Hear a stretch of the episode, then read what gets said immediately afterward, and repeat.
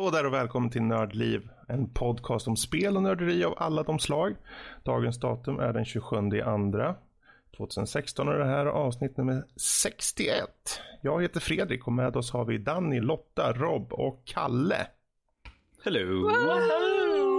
Ja. We're back people. We're back. Och eh, dagens show idag, idag kommer eh, bland annat ta och behandla Stardew Valley. Eh, lite spoilers på Dark Souls. Vi kommer även eh, äntligen faktiskt få tid och förhoppningsvis inte glömma det. Press Day Stockholm där Rob har varit och besökt.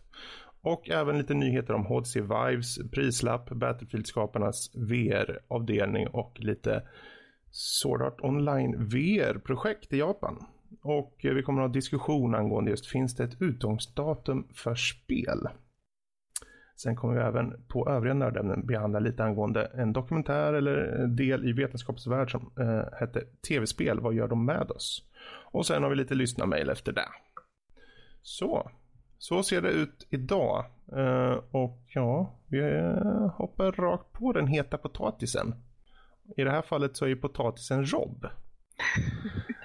Han är ju en het potatis. Vänta, jag trodde Och- att man skulle släppa heta potatisar. Nej, alltså och jag tycker det. det med potatisar kanske passar lite bra in. För du skulle snacka lite om Stardew Valley. Och har jag missuppfattat helt, men kanske man kan plantera en och annan potatis där till och med. Jag har eh, planterat en och annan potatis i eh, Stardew Valley, Fredrik. Det, det Yes. har blivit en och annan potatis. eh, Tusen segway som vanligt. Yes. Vad är då Stardew Valley då? Um, Stardew Valley är Harvest Moon till dator. Vet man inte vad Harvest Moon är så uh, gå, gå bort. Hejdå. Det, nej. Stäng av podden nu. Du, du behöver inte vara här. nej, men eh, nej, gör inte. Förlåt. Det var, nej, förlåt. Jag, jag skojar bara. Come Nej, back. Come back. Yes, vi tycker om dig Kom också. tillbaka, kom tillbaka. Sätt dig ner, ta det lugnt. Nej men, um, Stardew Valley är en... Det låter så tråkigt när man beskriver den så, men det är en farming simulator i stort sett. Och inte som farming simulator-spelen. Eh, Utan det här är alltså, det, det är gammal, det är såhär pixel art-stil, eh, gammal typ SNES, eh, NES eh, så här uppifrån, tänk från the trigger liksom, så här, man ser uppifrån. Liksom, så här. Och eh, man, du, man eh, ärver sin, sin farfars eller farmors eh, gård eh, i Stardew Valley då. Och eh, du kommer dit och så är den alldeles överväxt med träd och sten och buskar och ja, det är typ det.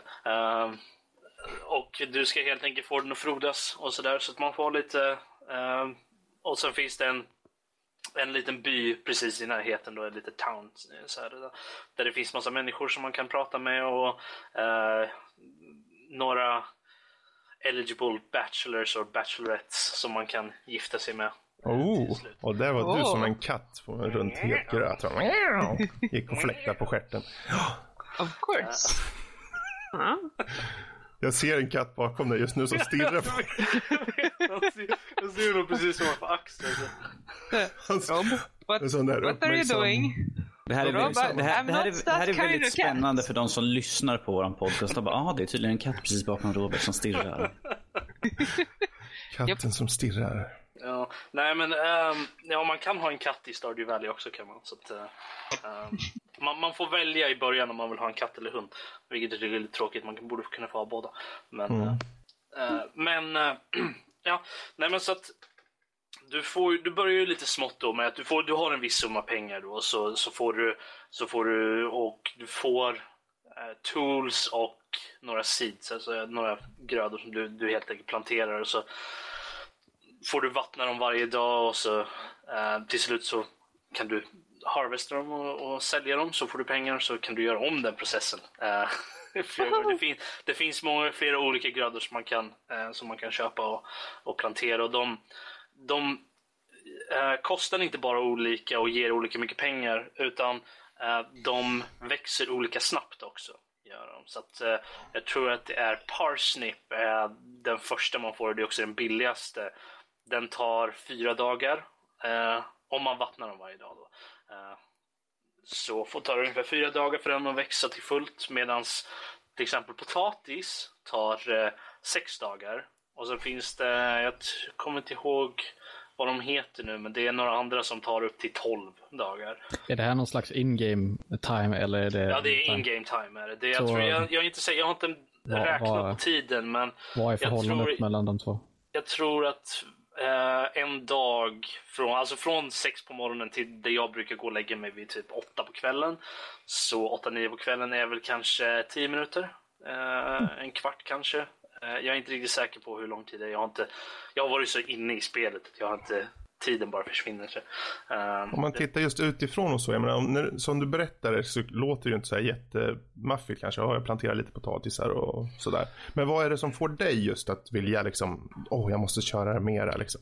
Alltså för mig så är det ju det är lite nostalgikänsla. Eh, för att det påminner väldigt, väldigt mycket om det originala Harvest Moon från, från eh, SNES-tiden. Uh, det, den har den typen av, av, av stil. Har den. Det, är- det är ju gammal så här, pixel art-stil som sagt. Så det, är- det, är väldigt, det är väldigt snyggt och inte, så här, in, inte i den här 3D-snyggt utan det är den här vad ska man säga, det är den här tidslösa snyggt som är väldigt, som jag gillar i, i, eh, i gamla så här pixel art. Uh, Men, men det är också, jag vet inte vad det är för någonting riktigt, så det, jag har aldrig riktigt satt liksom fingret på det, för jag gillar ju Harvest Moon och på det sättet så, så finns det ju ett, ett vad ska man säga, ett, ett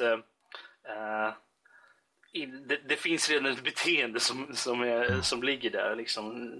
En sjukdom som, som, som pågår redan sedan innan. Men eh, jag tror jag gillar hela idén med liksom att, att eh, ha en farm, liksom, du får bygga upp den från scratch, du får köpa nya byggnader, du får liksom, det är hela den här byggnadsgrejen, man får bygga upp liksom sin farm och, och sånt där. Och det, det är någonting som verkligen har tilltalat mig. Eh, så att du har... Det där är just någonting, ursäkta jag hoppar in här. Eh, jag- om man jämför med liksom andra uh, mer simspel, liksom, typ ja, ta Sims eller ta SimCity, alla sådana här byggarspel. När du börjar från scratch. Du kan ju ta Minecraft också på sätt och vis.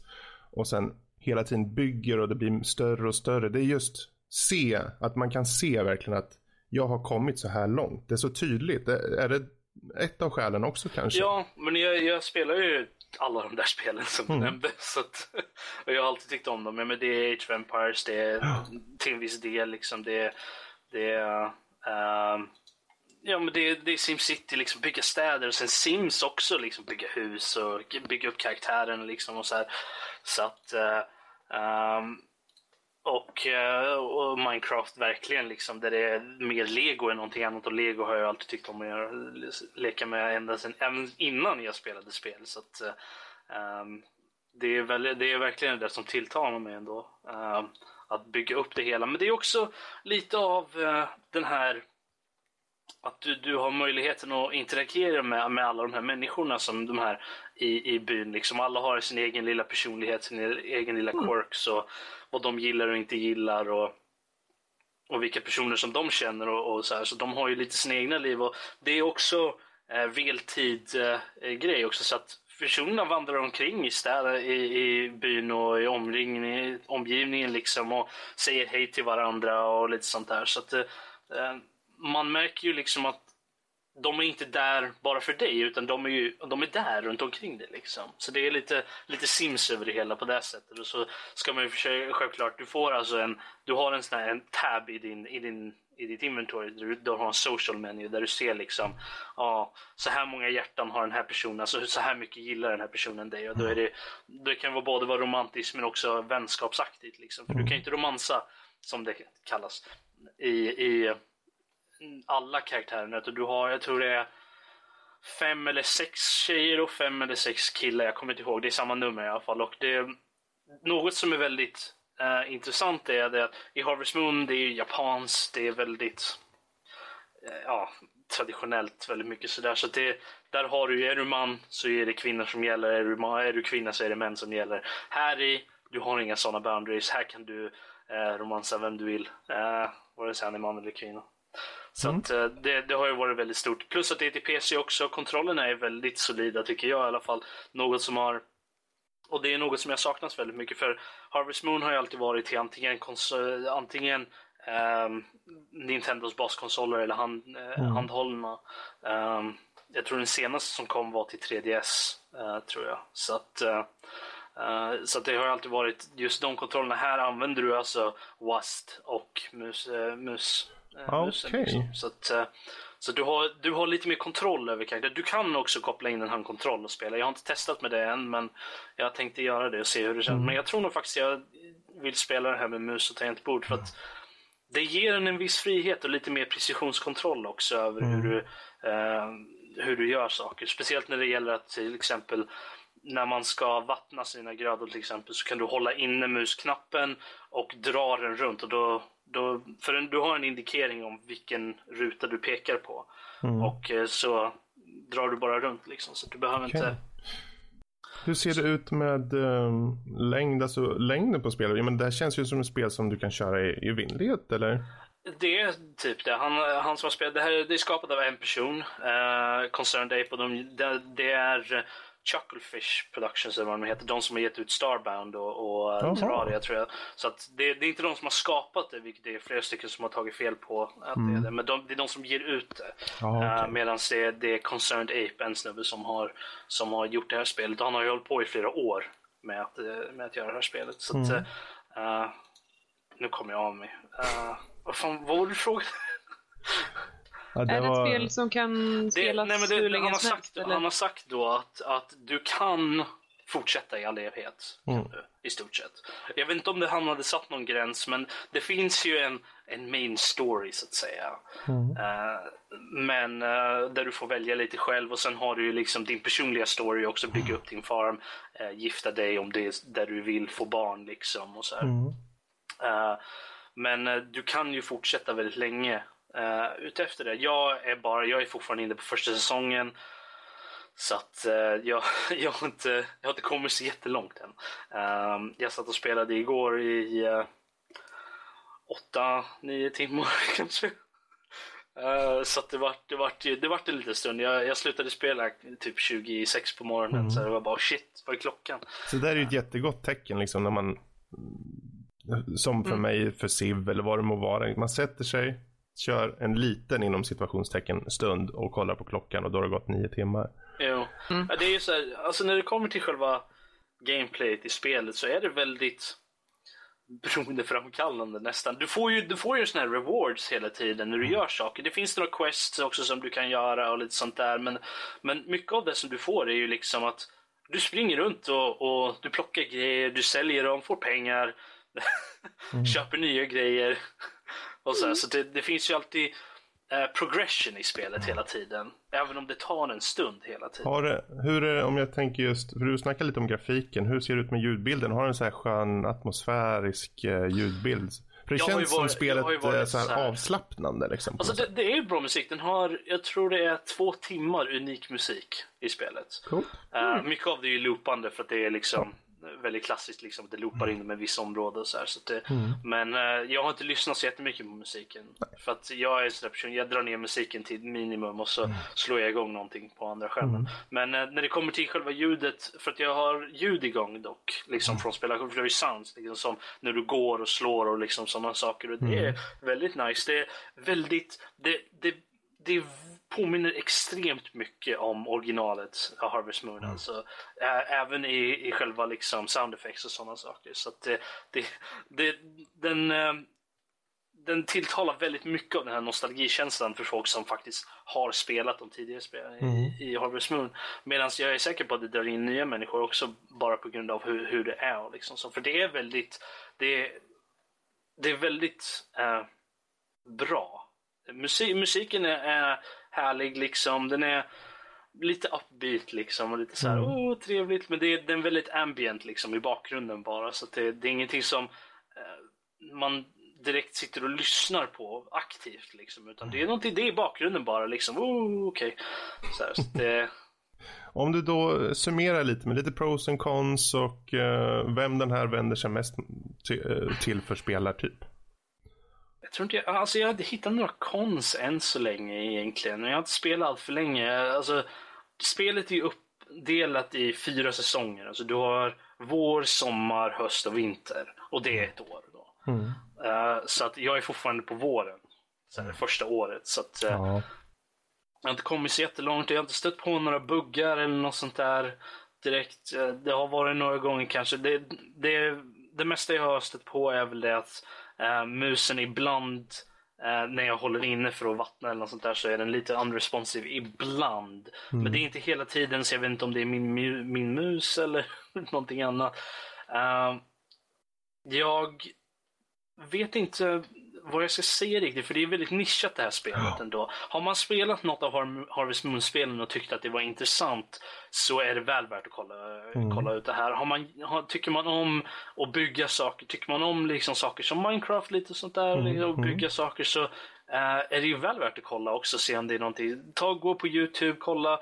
Nördliv har, eh, på Nördliv Youtube kommer vi ha eh, gameplay som jag spelar in. Så det, det kommer finnas, det är bara att kolla. Eh, troligt, kanske till och med när den här avsnittet är ute. Så det är bara... Den här fanns på Steam var det va? Steam, det är, jag tror den kostar eh, 12,99, 14,99 är det Ja, på, på Steam. det är farligt. 1399 Är det kostar det. 13,99 till och med? Ah, okej. Ja. 13,99 så det är vad? 140 spänn ungefär. Så det, det är inte allt för dyrt. Det är många, många timmar av trevligt spelande. Mm. Eh, och jag rekommenderar det starkt att göra. Kul. Men där har vi det. Stardew Valley. Eh, Steam-spel. Och eh, då hoppar vi över till Kalle. Och eh, vi kan väl innan så här säga att nu kommer vi spoila här på Ja. Dark Souls. Dark så Souls är det så att ni eh, så, så att ni fortfarande står precis inför att få eh, spela klart där så då hoppar ni fram ett par minuter. Ja, ja finns det en story? Det, trots allt så finns det det. Eh, Den eh, levereras ju väldigt sparsamt genom eh, liksom föremålsbeskrivning och, eh, och väldigt eh, få cutscenes. Du har ju intro cinematics som förklarar liksom vad, vad har världen varit och ja, i, i, hel, i helhet så vi, för länge sedan så härskades världen av en massa drakar och så var det en drake som, eh, som förrådde alla drakar och sen så kom det en massa gudar och dödade dem. De gudarna som är kvar har eh, mer eller mindre, de har de, de säger typ något i stil med att de förtjänar sin plats länge. Och eh, tiden med av, de kallar kallas Age of Fire, den är på väg att ta slut. Och här ställs man då inför ett val. När man har slått alla, slagits alla bossar, man har slagit den sista guden, så får man välja antingen så fortsätter vi då, vi, vi väljer att eh, liksom förlänga the age of fire, eller så får man välja att bli eh, eh, så eh, dark lord, får man välja. Mm. Uh, och först då tänkte man, då har man ju ett, ett, ont, ett gott och ett ont slut. Men nej, så, så lätt är det inte. För att den- grejen med Age of Fire är att den är inte oändlig. Den kommer alltid ta slut. Så var du, antingen, om du väljer att förlänga Age of Fire så kom, du kommer bara liksom förskjuta det, det oundkomliga till slut i alla fall. Så det tyckte jag var väldigt fint gjort. Liksom så här. Ja, du kan välja att eh, bara liksom, pang på, nu är det jag som härskar här, Age of Dark, fuck you all. Eller så offrar du dig själv och så förlänger du det lilla, eh, lite, lite, det, ja, vår, ja, Age of Fire lite till. Sådär. Mm.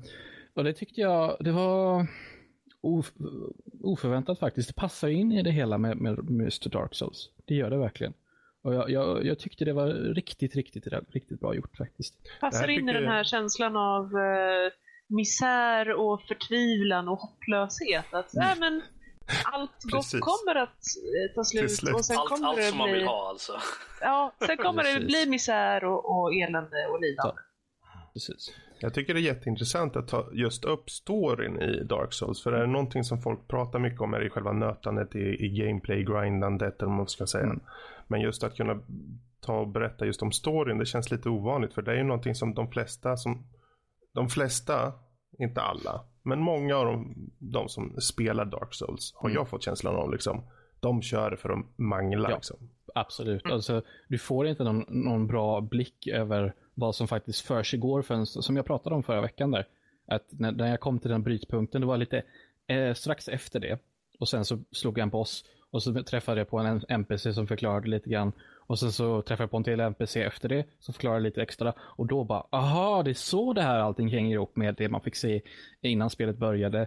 Allt sånt där.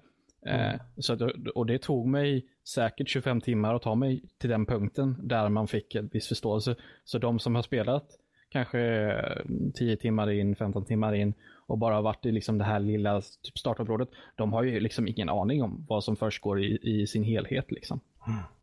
Eh, så att eh, det, nej, alltså, det passade verkligen in och det var, jag, tyckte det var smart gjort för det är så här, vänder ju lite upp och ner på det här med att det ska vara någon slags moraliskt val. Antingen så är du uh, goody two shoes eller så äter du barn till frukost. Utan det är liksom Vad sa du, äter du? barn till frukost. Jaha, Så som man gör. Nej, precis. äter Jag har barn dem med fil och, eh, och lite jordgubb, eh, att- jordgubbssylt. Nom nom. Alltså det finns inte mer att säga där egentligen. Alltså, det, det, det spelar ingen roll vad du, väl- vad du väljer, du, det går ändå åt helvete. Det går åt helvete i alla fall. Då så. Men var- eh, ja, där har vi en liten mild spoiler då kan man väl säga för Mild- Dark mild, Souls. ja. Ja, man, det är fortfarande värt att spela för att upplevelsen i, i sin helhet kommer ju från gameplay och, Mm. och döda alla jävla irriterande bossar. Här, Och som här du har ni säger- slutet på spelet. En liten mild spoiler bara, men här är slutet. Eh, Ja, jag tänker just mild för de flesta som kör där, de skiter i storyn tror jag. Ja. Ja. Så, Nej, men just att Dark Souls, som du säger Karl, har ett väldigt intressant sätt att berätta sin berättelse. Eh, alla Dark Souls eh, stämmer här för att det är de här små hintsen som man måste hålla ögonen öppna för, annars missar man dem.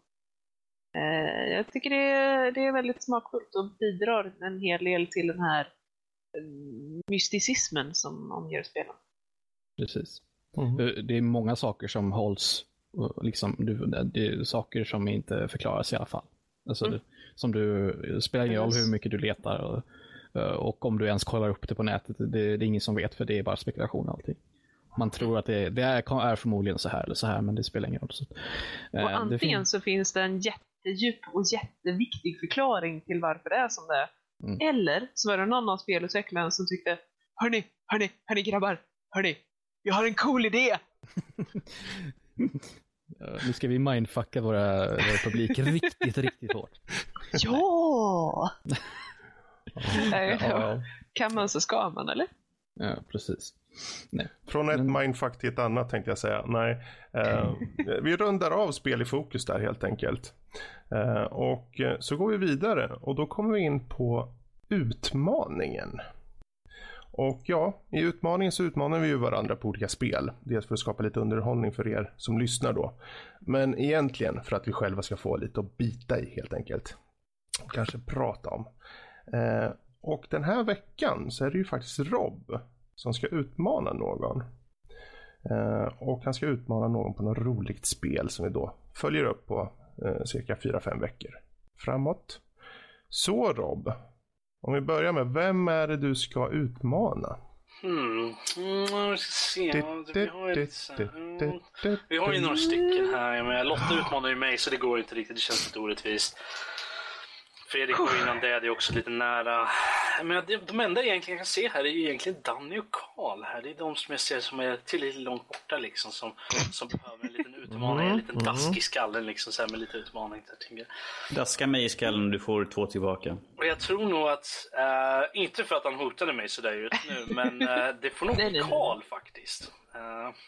Har Ingenting att göra med jag är så Nej, nära att, vända, att ändra mig där. Jag är så nära. Se, se barn, hot hjälper. Uppenbarligen. Intressant, då är det alltså Karl som ska få ett roligt spel här framöver. Eh, fem veckor framledes.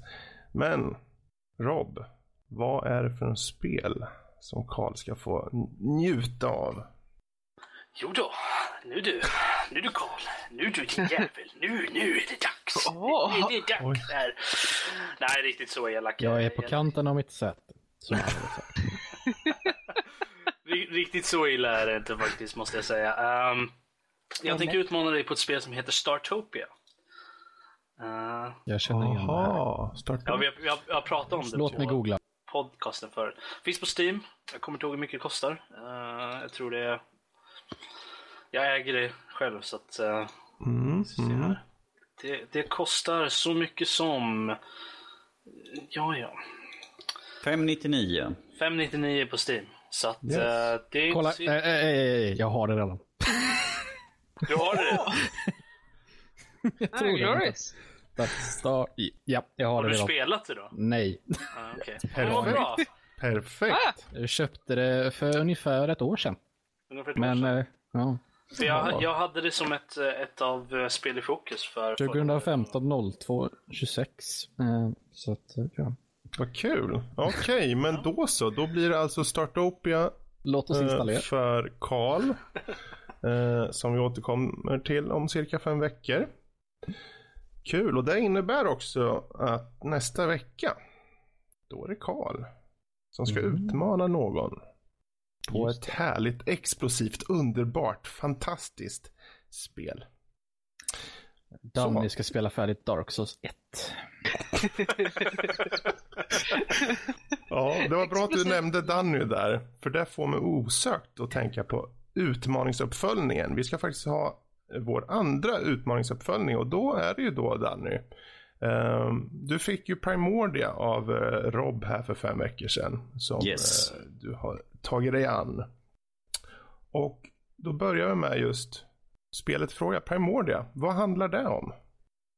Eh, Primordia är ett, eh, ja, ett postapokalyptiskt spel där eh, mänskligheten har dött ut och världen bebos av robotar helt enkelt. Eh, och vi följer våran huvudkaraktär Horatio Nullbilt och hans lilla kompanjon eh, Crispin Horatio Bilt. Eh, eh, och Robert kommer snart säga, ja, vi ser här att man kan ju se vem som har byggt dem för att eh, de har ju namnet till den som har byggt dem i efternamnet. Så till exempel Crispin heter Horatio Bilt. Och eh, Robert sa att eh, här jag på en annan grej så att vi vet vem som, vem som har byggt Hor- Horatio som han heter Nullbilt. Så man vet inte riktigt vem som har skapat honom. Men kort och gott, eh, de bor själv ute på ett, eh, ett kraschat skepp ute i ingenstans och eh, ja, lever sitt lugna lilla stilla liv med att eh, åka omkring och plocka nya delar till skeppet och bygga upp det tills en dag det kommer en, en stor elak robot och snor deras energikälla. Och eh, där börjar eh, spelet egentligen med att man ska försöka ge sig ut och försöka återta sin energikälla. Kort och gott. Vad är det för någon typ av spel det här? Det här är ett peka och klicka äventyrsspel i den sanna klassiska meningen av peka och klicka. Klicka på allt som finns och hoppas på att du hittar någonting eh, mer eller mindre. Hur är just med eh, visuella och, och audio så att säga? Hur ser det ut med ljud och bild? Eh, bild är ju väldigt så här retro-stuk. Det är väldigt pixelaktigt. Eh, jag kommer inte ihåg, vad, vad var det du kallade det för någonting Robert? Det hette ju något speciellt den här typen av Jag, stil. jag, jag kallar det för, det är en subgenre inom P-klicka-genren som är, det är alltså retro. Bara. För att om, vi- om vi säger så här, det, det är väldigt, pixli, väldigt pixligt. Eh, Det är, spelet i sig, intro, eh, biten man är väldigt eh, brunorange för man är ute i en, en öken. Eh, och, eh, men jag tycker det, det ser visuellt intressant ut. Så här. Eh, ljudbilden är väldigt bra. Det är voice-over.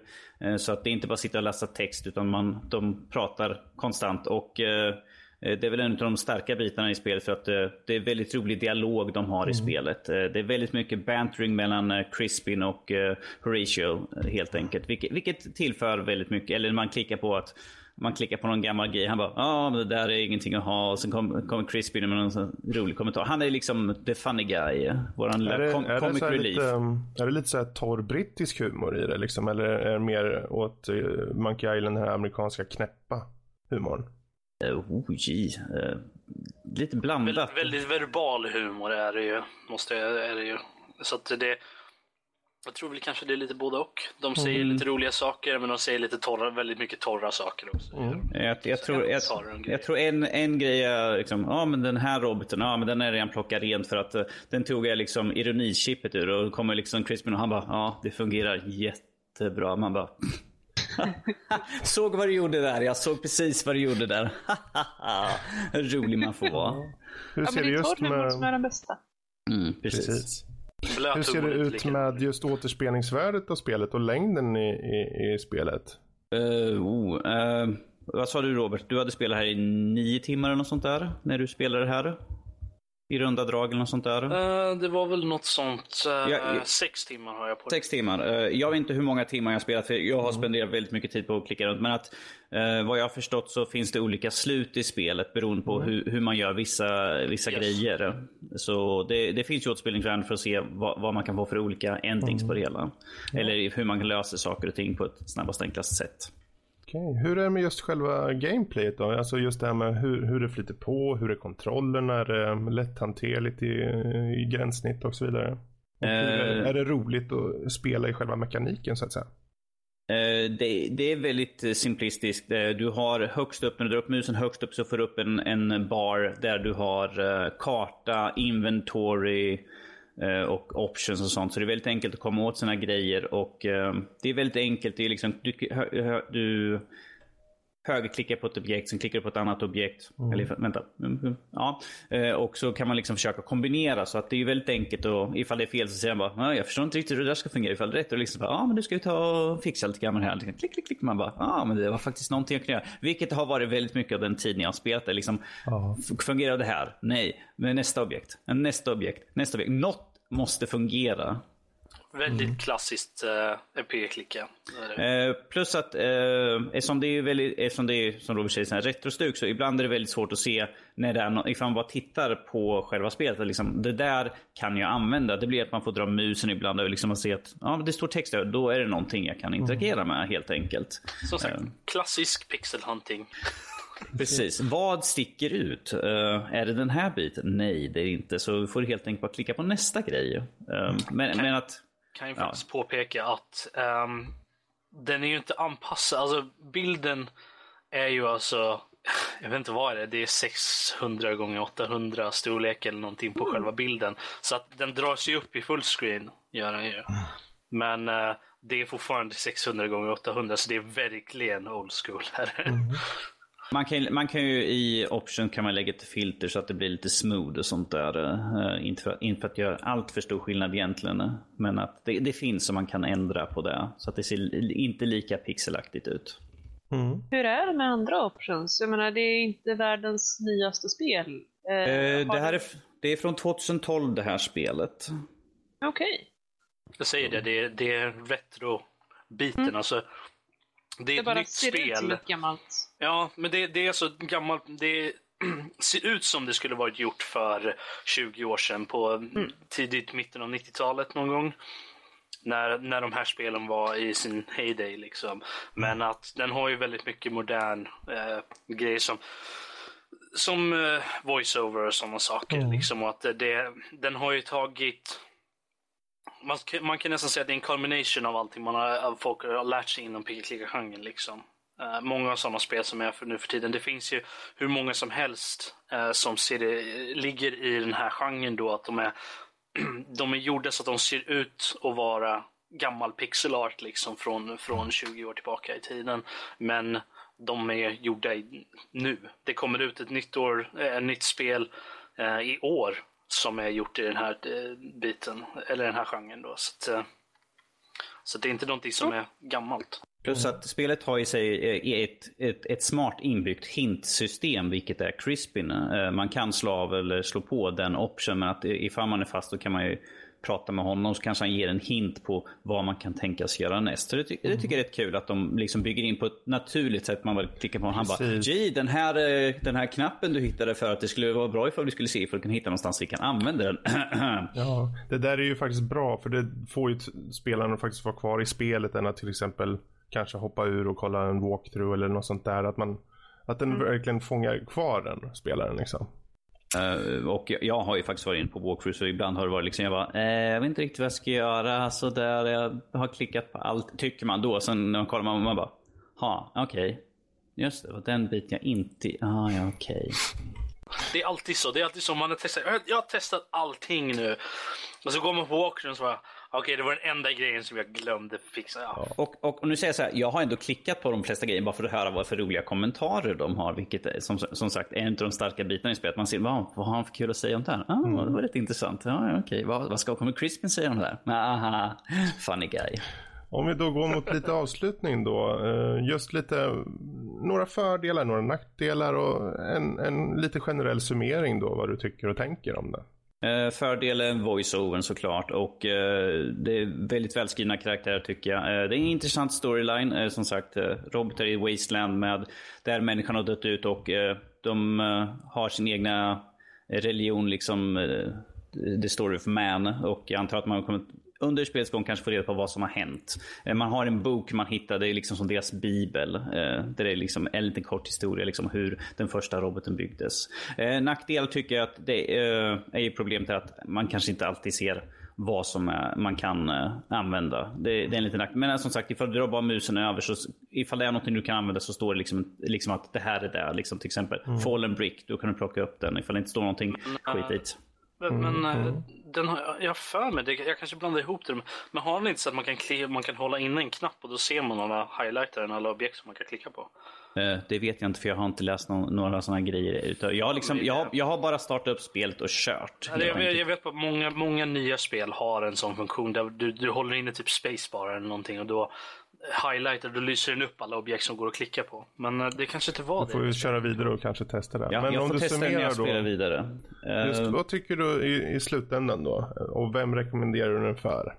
Uh, om du rekommenderar den vill säga. Ja, jag, jag rekommenderar för de flesta. Det är ett bra gjort peka och klicka-spel. Det är intressant storyline som sagt. Och det, man är nyfiken på vad som komma skall och vad det är för, och det är en väldigt intressant värld också. Så att, eh, jag tror att för de som tycker om lite äventyr och eh, tycker om eh, bra storyline så rekommenderar jag det här. Och för de som vill peka och klicka, stark rekommendation där också. Jättekul. Men där har vi ju Primordia, ett originellt peka och klicka-äventyr i sann anda. Som dock är nytt ändå. Så det är alltid någonting. Och där, där ser vi lite av finessen med just utmaningen. Här har vi låtit Danny ta del av ett spel som han kanske inte hade tänkt ens ta upp. Men ändå, nu sitter han här och har fått en helt ny upplevelse. Och apropå upplevelser, nästa vecka så är det ju faktiskt så att eh, då kommer vi följa upp på Kalle som har spelat Chrono Trigger. Det ska bli intressant. Och eh, än en gång, idag så blev då Kalle också utmanad att ännu längre fram ta sig an Startopia. Bra, och jag kan väl avslutningsvis på just utmaningen bara säga det. Är det, är det så att ni där ute har lite spelförslag som ni tycker någon i gänget ska ta sig an? Maila då in till oss på info.nordlivpodcast.se och säg jag skulle vilja se eh, Fredrik spela eh, Dungeons and Dragons brädspel framför kameran. Japanska ja, dating simulators. Yes! Lätt. Vi, vi, vill se Lotta spela Be Dead or Alive Beach Volleyball. Oh. ja! Välja vilken karaktär jag vill. det skulle passa. Det skulle passa. Då så, men då hoppar vi vidare och då hoppar vi in på spelnyheter. Uh, och uh, även om vi är på nyheter nu så, så börjar vi med något som var egentligen aktuellt förra veckan men som inte hanns med. Och det är just att Rob, du var ju på Press Day Stockholm, det här eventet. Yes. För uh, indieutvecklare, svenska. Och just för att få lite bild av vad du tyckte och tänkte och vad du såg och lite, vilka spel som du kanske kände var lite extra intressant om du har lite anteckningar. Så kan vi gå in där lite. Vad, vad, till att börja med, det här Presta i Stockholm. Det var första gången du var där antar jag. Jag vet inte om det har varit tidigare. Jag vet inte om det har varit någonting tidigare sånt, men det, det var ju alltså... Det var inte en konferens, det var alltså en showcase helt enkelt egentligen. Du, du var i en liten restaurang så här, uh, mitt ute i Vision. Nej, det var inte. Det var, det var alltså inne i Stockholm. Men, uh, det var lite lite off the beaten path. Det tog mig en stund att hitta det. Jag gick mm. runt lite så här, var fan är det någonstans? Uh, men jag hade typ, jag har bara varit i det där stället i Stockholm en gång så jag uh, hittade inte riktigt. Jag stod där med Google Maps, jag vet inte var det ska någonstans. uh, till slut kom jag, hittade jag dit och så var det, det var så innan i, det, det var ett hus, lite så restaurang, så här, du kommer in, de får checka av att jag var där. Ja ah, du, okej, okay, vi vet att du är här. Uh, så man var tvungen att RSVP innan. Ja. Du kom, du kom dit och sa eh, Rob Larsen, representant för Nördliv? Nej, de, de frågade ah, vad heter du? Uh, Robert Larsen. Ja, ah, okej, okay, men gå in. Uh, så det var lite exklusivt ändå. Det var lite oh. exklusivt. Liksom så här, oh yeah. Vad var det de hade där då? Var det, det var rena spel, alltså Jag tänkte sätta då? scenen lite. Ta det lugnt Fredrik. Mm. Nej, men man, jag kom in där och så ser man, då ser man folk liksom äh, miller omkring lite och det, ser, det står datorer lite här och var runt eh, där, där det, man ser distinktivt att det är väldigt mycket spel på gång här. Mm. Um, Så jag, jag gick runt och kollade lite på några av dem. Det vart mer och mer packat ju, ju, mer, ju längre jag var där. Det höll ju på i över sex timmar, gjorde, eller i, i sex timmar gjorde det. Mm. Uh, det var några som drack också. Jag såg några ölflaskor framåt kvällen där. Uh, vi fick lite mat också, lite så här tilltugg, små grejer, så här mini och lite sånt där. Det var lite, lite gott så här. Och serverades vatten också, det var väldigt trevligt. uh, men men det var flera utvecklare, alla de var svenska utvecklare förutom en. Uh, varför mm. vet jag inte. Uh, jag tar upp den sist för att det, det var, så, mm. den var lite rolig. Uh, det första spelet som jag kollade på var ett spel som jag hade kikat lite på innan jag såg en trailer och lite sånt där. Det hette 20 000 Leagues uh, Were Above the Clouds. Just det, ja. Mm. Och de hade ju demo där man kunde få kolla på. Det såg, det är enormt. Det är riktigt nice. Det är riktigt, riktigt nice. är det faktiskt. Jag, jag måste säga att det, det är steampunk. Uh, alltså, det har ju Steampunk. Sky Pirates. Steampunk, ja, fast det är inte Sky Pirate. Man kan vara en Sky Pirate om man vill, yep. men det är inte så main, main grejen är. Utan det, men det, det är steampunk Skyships är det definitivt. Det var, och karaktärsdesignen på, på folk som man möter och sånt där var, var enormt trevlig. Jag stod och tittade på det och bara oj, oj. Dialogen var lite rolig också, även fast jag skimmade över den väldigt mycket när jag satt och för Det var första spelet som jag stressade, som jag spelade och jag kände mig lite småstressad. Jag är inte så bra med folk heller. Så att, vad var det för typ av spel då liksom? Var det alltså det, plattform det är, eller vad? Har, du spe, har man spelat uh, Sid Meier's Pirates? Lite så är det liksom, du har ett, du har ett, ett så här skyship. Ja. Ett flygande skepp med alla uh, Final Fantasy 9. Uh, eh, sådana skepp liksom. Um, som, du har ett sånt, du flyger omkring. Du, det finns här Sky Islands, flytande öar som flyger omkring. De har lite supports och sånt. Som man åker till och man kan få quests och grejer. De åker runt och det finns så clouds som man kan mina. Det är så gaser typ som man, och lite så andra debris som flyger omkring som man kan skjuta sönder och lite sånt där. Och så stöter man på andra skyships som man kan antingen som är pirates eller vad som helst och så kan man skjuta, skjuta eh, och spränga dem eller borda dem och lite sånt där. Det, allting är gjort utifrån så det är lite mer det är inte så att du går in och liksom är en person utan du är alltså det här skeppet så att säga. Mm. Mm. Och, det låter äh, jättemysigt. Det är, Alltså det finns en trailer på för dem. Jag kommer fan inte ihåg vad de heter nu bara för det. Uh, jag, har, jag har en hög med visitkort här har mm. jag från, från... Ja, det är ju bara att googla på 20 000 Leagues Above the Clouds så kan ni säkert hitta det. Mm. Uh, hur pass färdigt är det spelet nu? Jag mig att de sa att uh, nästa år kanske. Mm. Jag kommer inte ihåg, jag borde ha skrivit ner det men jag, var så dålig på, jag är så dålig på att komma ihåg såna här grejer. Jag, Anteckningar inte riktigt. Det tar sig eh, nästa gång och då kommer du vara veteran. Vet du. ja, eller hur. Um... Ja, men det här spelet är alltså väldigt välarbetat. Jag träffade de här grabbarna på Närkon för ett och ett halvt år sedan. Eh, och redan då så hade de eh, en väldigt välspelbar beta som man fick testa. Jo, nej men de, de hade ju liksom, jag såg, jag spelade aldrig hela själv gjorde jag inte, den som de hade. Men jag spelade en bra bit, en liten bit in, gjort mitt första quest och lite sånt där och hamnade in det. Och jag såg några andra som spelade sen och man får, den tar ju, betan tar slut ungefär där man för att det kommer ju upp så här klor sen som drar ner eh, under cloudet. Så att man, jag såg en, eh, att man åkte ner under, under molnen och så virvlade det runt lite så här och där tog det slut. Uh, men jag har för mig att de sa nästa år, uh, tror jag de skulle släppa mm. det. det. Alltså, det är väldigt stilistiskt. Det är väldigt, jag tror att jag använder det ordet väldigt ofta nu för tiden. Jag vet inte varför. Jag har lärt mig ett nytt ord så därför vill jag... Men det är bra, det är bra. Uh, nej, Årets ord. Ja. ja uh, det, alltså det, de noterna jag har här är... Uh, uh, det är väldigt vackert. Är det. Det, alltså det är väldigt, väldigt vackert. Är det. det du har de med öarna och det är liksom så här, um, stilen har de gjort väldigt steampunkig vilket ser väldigt snyggt ut. Mm. Um, du är ju lite pirater och lite sånt där som springer och flyger omkring och de, man kan ju vara lite sån själv fast det är inte riktigt det som är meningen med spelet uh, så vitt jag förstod det som när jag pratade med dem. Um, du kan ju trada med, det, det är lite, det är väldigt så här, uh, det är Pirates uh, var, jag tror de sa att det var en av inspirationerna till och med till det här, var att för du kan, du kan trada mellan olika så här, skyports kan du göra. Och eh, då kan du köpa typ socker på ett ställe där det är billigt och sen kan du sälja det dyrt på ett annat ställe och sånt där. Så det är mycket sånt fram och tillbaka, så mycket trading och sånt som är fram mellan där. Och sen så för de pengarna kan du sen uppgradera ditt skepp då. Du kan få, ehm, du kan ändra du kan köpa nya skepp som ser annorlunda ut. Du kan ändra färgen på typ ballongen som är på skeppet. Liksom. Ah. Så här, så det, eh, och sånt, så det, det, var väldigt, det är väldigt mycket sånt. De, de sa, jag har att de sa att eh, de har mycket av core mechanics som är klara där. Men att själva storyn och det är det som de inte har lagt in. Okej. Så att, eh, Om vi då speedar vidare, vad har vi mer för några spel som du anmärkte på? Uh, sen har vi ett spel som heter Future Unfolding. Ehm, det är ett sånt där... Det är ett sånt där spel som bara skulle kunna vara ett indiespel. Uh, kände jag direkt när jag plockade upp det.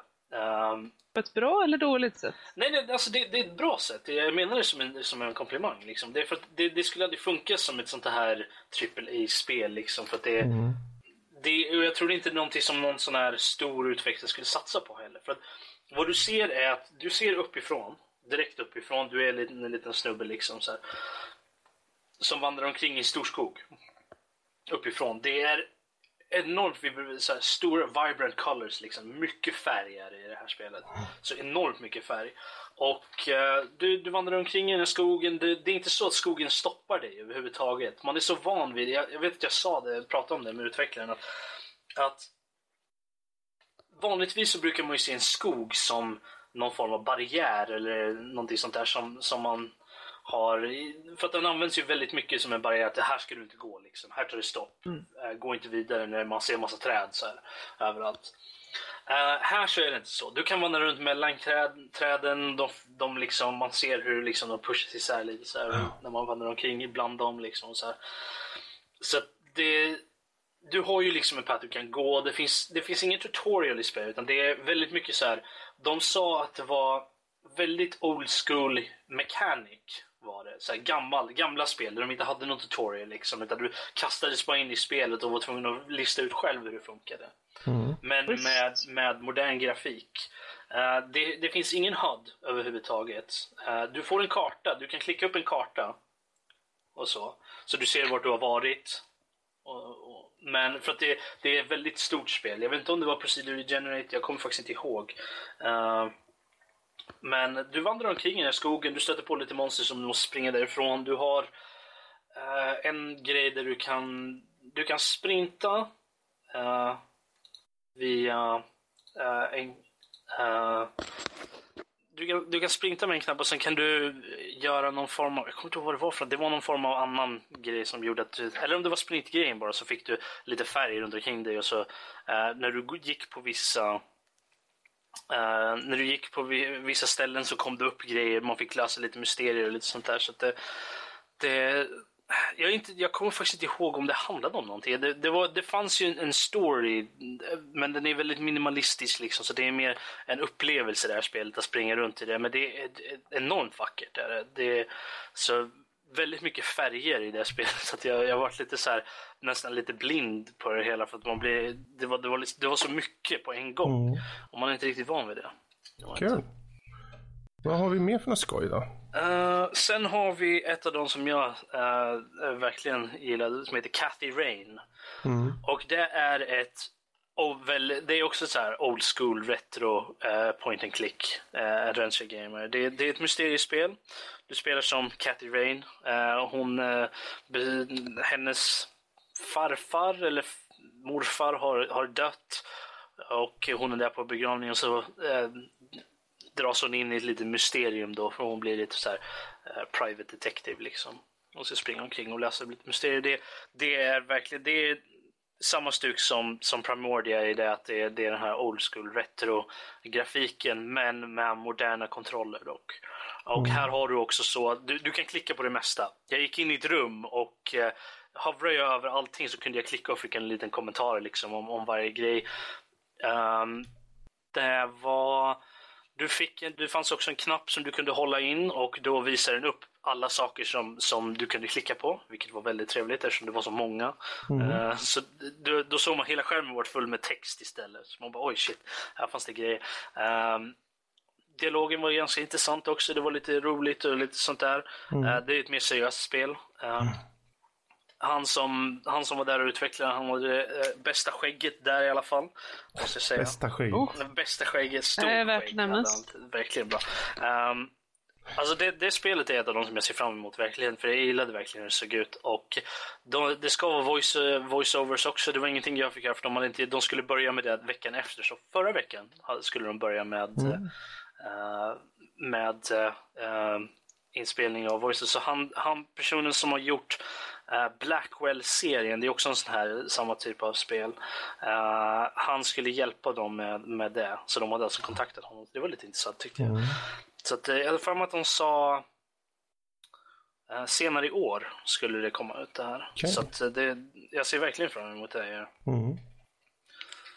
Eh, sen har vi ett spel som jag kikade på förut faktiskt. Jag tror vi nämnde det någon gång till och med. Och det är Else Heartbreak. Ja, just det. Ja. Och det spelet är alltså... jag, en av mina noteringar här är väldigt coolt. Är det. Eh, för att det, det var alltså, det är isometrisk vy. Är det, är ute redan, så det är bara att gå och köpa. Uh, men det är så här, isometriskt vy, det är, men du kan dra runt i kameran. Så att du, du, den, du kan dra den runt, liksom, vilket är väldigt ovanligt i sådana spel. Uh, när man ser upp i så här, den, den vyn. Liksom.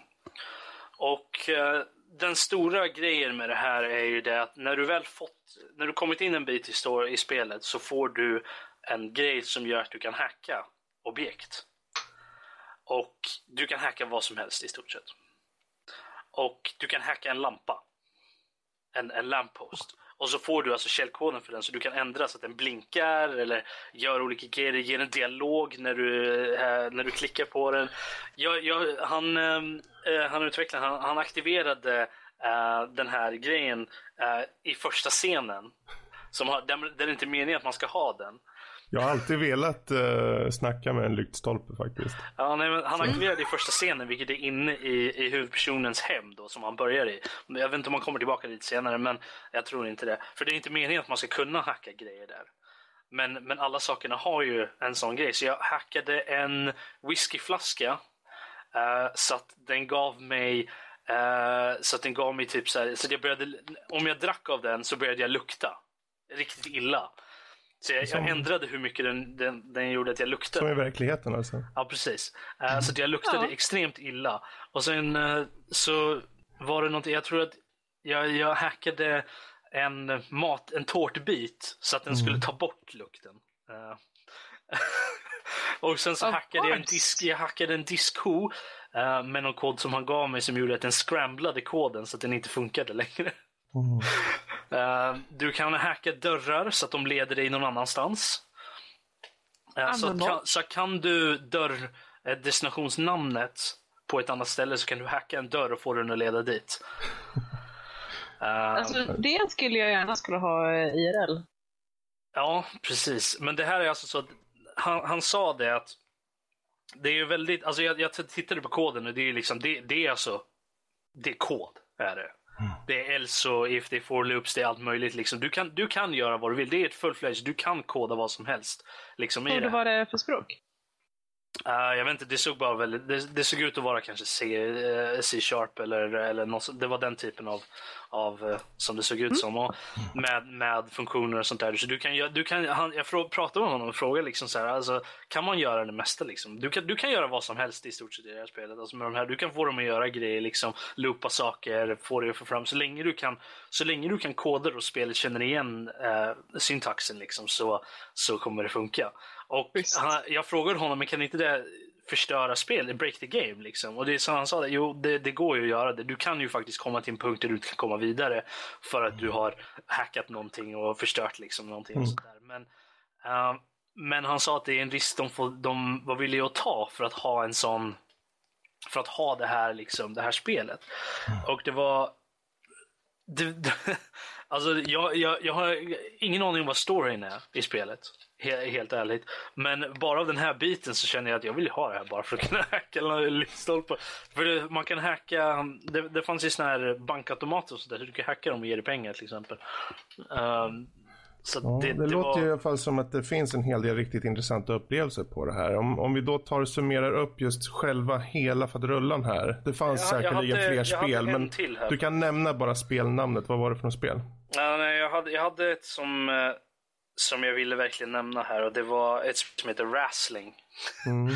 och det är Lite kort, vad är det för någon typ av spel? Det, det är ett partyspel. Du, du ska äh, wrestla med andra. Det är typ Atari-grafik är i en boxningsring ja, ja. typ. Och du ska, äh, du ska ta ut de andra spelarna. Det var skitroligt. Det var ett av de roligaste spelen där. Alltså. Men det, det är verkligen ett partyspel för jag kan inte se att det skulle vara så roligt att spela själv. Uh, men att spela med, med tre andra pers, vilket är fyra i max då, var enormt roligt. Vi uppmanar alla där ute att googla på det här och ta en titt. För det, det, jag tittade också lite på det, det såg kul ut faktiskt. Ja. Uh, dina det låter som en livepodd. Precis. Dina intryck då från det här eventet, om du summerar upp lite just vad du tycker och tänker och, och så. Alltså jag tyckte det var väldigt intressant. Uh, jag har aldrig varit på någonting liknande förut eftersom jag inte är en spelutvecklare uh, eller en speljournalist eller något mm. där så jag har aldrig varit på någonting. Inte först nu i alla fall. Mm. det är inte riktigt min miljö på det sättet att man måste socialisera med mycket människor. Så här.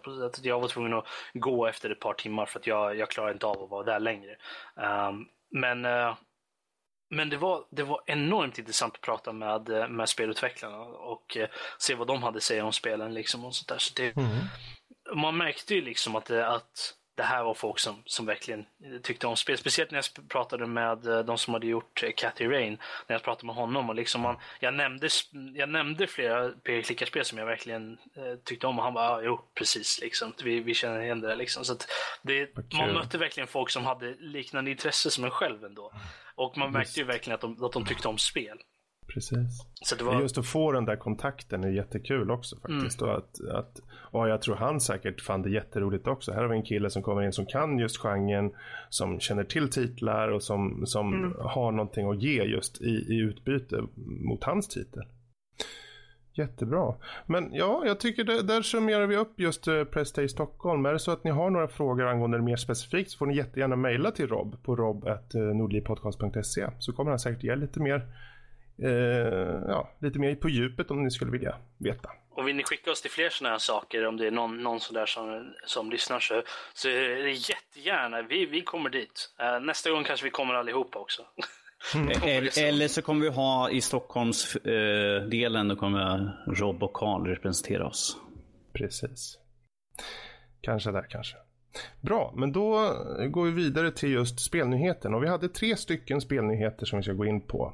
Uh, Danny, vad har vi först? Yes, eh, jag vet att bäst jag säger det snabbt innan Lotta kommer att bryta in. För att vi kommer att prata VR och vi vet hur Lotta älskar att prata VR. Men att uh, vi börjar kort gott med att HTC Vive har vi äntligen fått en, en prislapp i alla fall på den och den kommer gå ut på 799 dollar, cirka 8 500. På, eh, nu säger jag här i förväg på måndag kommer vi få det korrekta priset på HTC Vive, eh, eller den europeiska priset då eh, kommer de släppa på måndag. Så vi, vi, det här är ju liksom ett hum, men 8,5 så vi kommer ju räkna att det går runt om där, däromkring. Mm. Eh, och för 799 dollar så kommer man få eh, headsetet, handkontroller, två stycken eh, kablar samt två trådlösa Lighthouse-fyrar för att kunna se vart man är i rummet. Och så får man två spel också. Job Simulator, The 2050 Archives och Fantastic Corporation, Contraption. Mm. vad tycker ni? Är det, ett, är det ett rimligt pris för det man får med? Nej. Jag, jag kan ta då direkt jämförelse med eh, för Oculus Rift eh, för 599 kostar det då. Cirka 6,5 eh, svenska kronor. Och då får man VR-sättet, en Xbox One-kontroll, kamera för rörelseavläsning och Oculus VR-kontroll och Eve, Valkyrie och Lucky's Tale som spel. Mm. Men vad tycker vi om prisklassen? Lotta, vi kan börja med dig för jag ser att du mm. sitter där och väntar. Ja, alltså man blir lite ledsen i ögat definitivt. Eh, och jag tror att absolut som i början så är det ju egentligen inte den bästa idén att skaffa dem. Eh, med tanke på att det kommer att komma uppdateringar, även om de har varit, och nu gäller det alla VR-headseten, även om de har varit väldigt länge i utvecklingen så kommer det ju självfallet finnas grejer som man vill uppdatera till nästa version och så vidare. Eh, dessutom så kommer ju priserna att sjunka så småningom. Men Ja, jag vill ju. Så att personligen så äh, kommer det nog inte dröja jättelänge innan jag skaffar åtminstone någon av de här. Men ja, lite ledsen i ögat. Å andra sidan, det är ganska mycket ny teknik.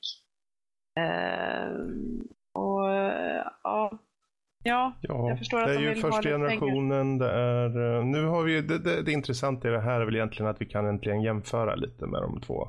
Och det är ju Mm. ändå att de har fläskat på lite grann i teknologin. Jag menar med just den här med Lighthouse 4 och så. Det har du inte Mm. på, på Riften. Så att det är en, tus, en tu, cirka tusen dyrare kan jag förstå. Eh, jämförelsen i alla fall. Eh, Men än en gång, det är just det här priset. Det är, ju- det är, det är ju svårt att tugga i sig åtta och ett halvt cirka tusen liksom. Ja, så du kan få en eh, i alla fall duglig dator för det. Mm. Men det är klart, ja, fan. När eh, platt-tv kom så var ju det värt typ 20 000, 30, 40 när den första generationen kom och det var ju skit idag i jämförelse. Men Precis. allting är ju dyrt i början, det är ju så. Ja, tyvärr. Det var, det var precis det jag tänkte säga. För det, det här... Eh, tyst telefon. Eh, det här var, det var ju länge sedan. Det var många avsnitt sedan när jag sa det. Men jag sa, nämnde ju det att jag, vill, jag köper aldrig första generations teknik. Och det här är en av anledningarna varför. De är väldigt dyra. Alltså, det är bara, alltså kolla på vilken ny alltså, teknologi som helst. Nämnde du, sa du platt-tv? Uh, ja, Fredrik. ja, precis. Svindyra till en början och nu kan du köpa en, en, eh, en, eh, bra full HD platt-tv för några tusen lappar. liksom. Så att dels, eh, alltså det kommer bli mycket billigare i framtiden. Helt enkelt när, när, alltså, när teknologin har förfinats och att produktionsanläggningarna finns etablerade och allt sånt där. Så att det är bara att ha lite extra tålamod. Eh, och sen så får man uh, nöja sig med att antingen punga ut eh, massvis med pengar eller att gå till någon uh, arkadhall någonstans eller testa på, på något internetcafé om de köper in sådana grejer. Så det, Finns det fortfarande arkadhallar? Äh, en, Gröna. Lund tror jag har en arkadhall. Ja, vi får ju hoppas att den där trenden vi snackade om, eh, spelnyheten, om att de öppnar en VR-arkadhall i USA, det kanske, Ja. det vore kul om du Det, det, det, hit om, om det händer med en, en liten revival, alltså inte, kanske inte superstort liksom så att det blir något gigantiskt genomslag, utan men kanske bara att eh, vi får någon VR-del, kanske som jag sa, på Gröna Lund eller på Liseberg eller något sånt där, att de, de har en, en, några VR-uppställningar. Eh, men ja, det är klart att det är lite begränsande med den prislappen, men samtidigt så tycker jag att man får ändå ganska mycket för det man betalar där. Det är liksom eh, cut, nästan cutting edge teknologi och de här kontrollerna är ju i sin tur väldigt avancerade och med de här, med de här eh, Lighthouse-kamerorna som, som känner av var du är i rummet. Precis. Alltså, eh, det är ju, alltså vi har ju inte sett något liknande innan. Så jag är ju faktiskt helt okej med den här prissättningen och det kommer bli billigare i framtiden. Ja. jag menar visst, man förstår ju att de vill försöka få tillbaka pengarna för utvecklingen så snart som möjligt. Absolut, visst, fine. Och det kommer de få, förr eller senare. Mm. Ja. Tills dess så, så kan man ju gråta lite som användare. Sen tycker jag att Oculus Rift har lite övertag vad gäller spelutbudet. Där man, att man får, i Valkyrie, det är, liksom, det är ju en homerun bara där. Liksom.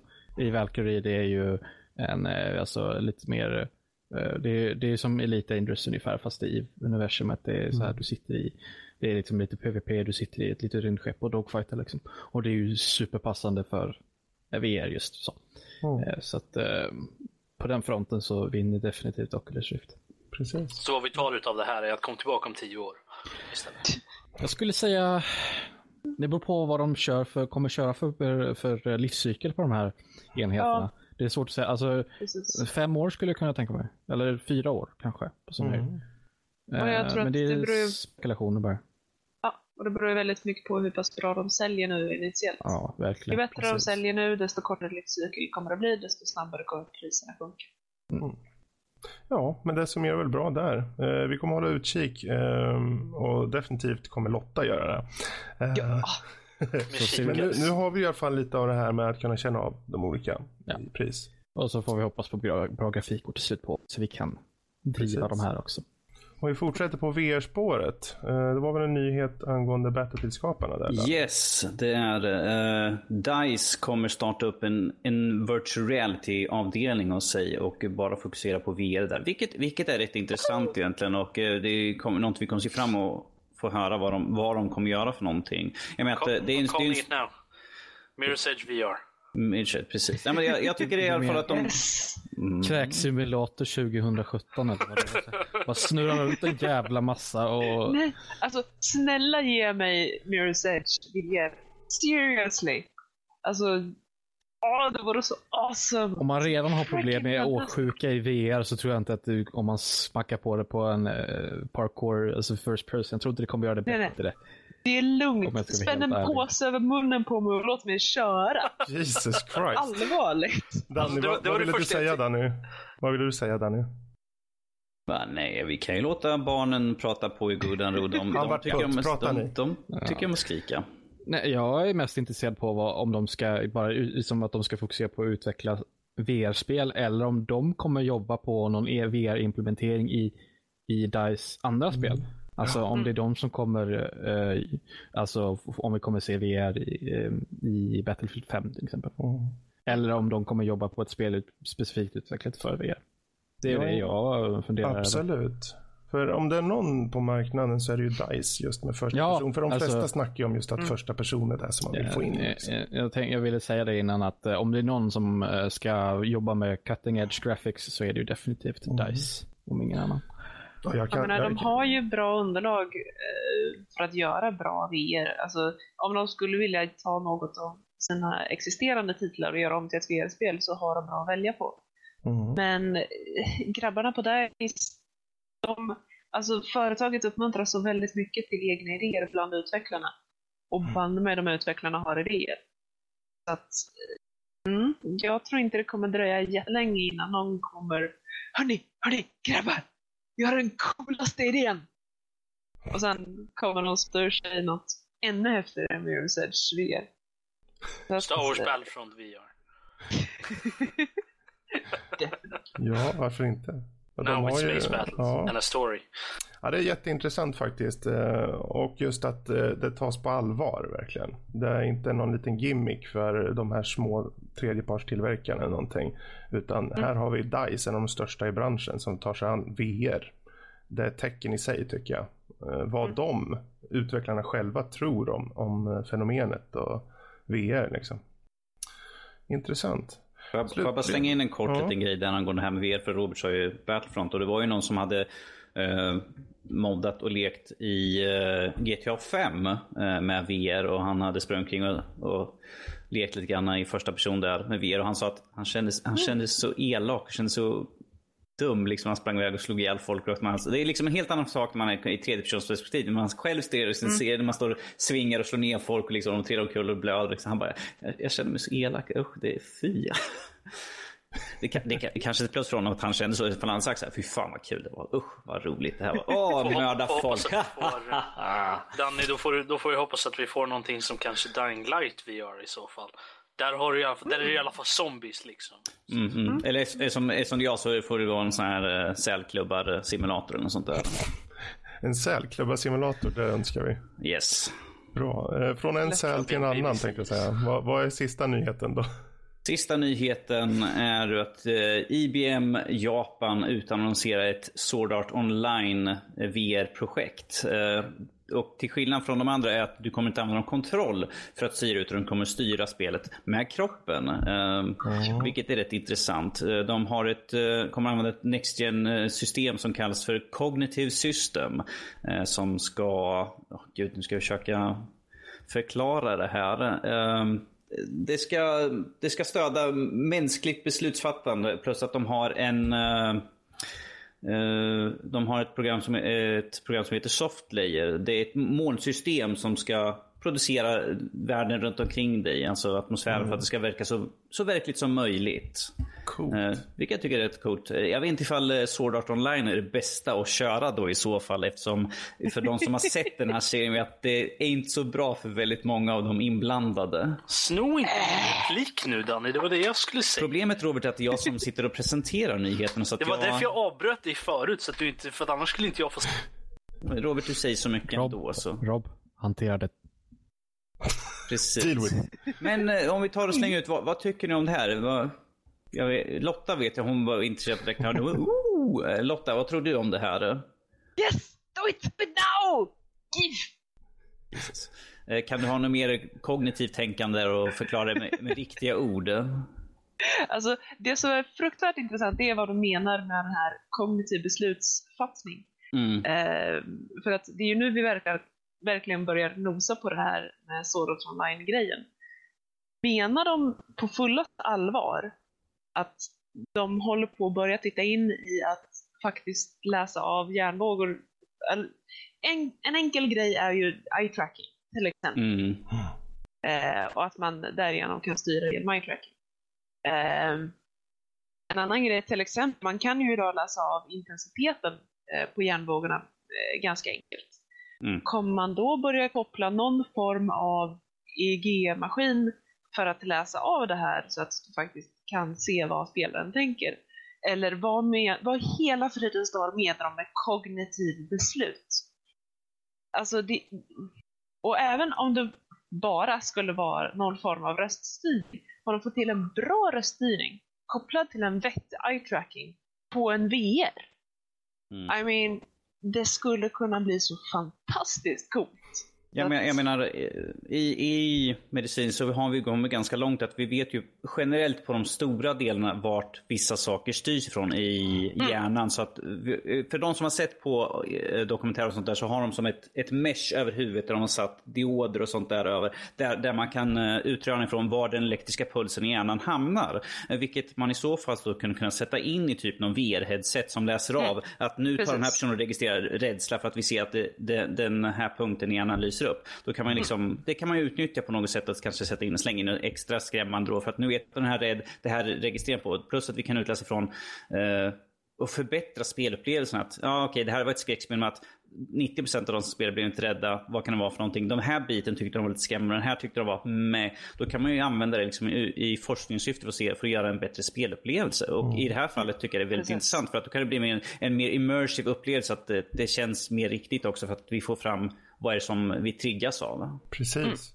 Och det här, Precis. Och du kan dessutom skräddarsy det till den individuella spelaren. Om du har någon som verkligen går igång på de här subtila grejerna, de hör ett litet ljud någonstans, de ser en skugga fladdra förbi ögonvrån.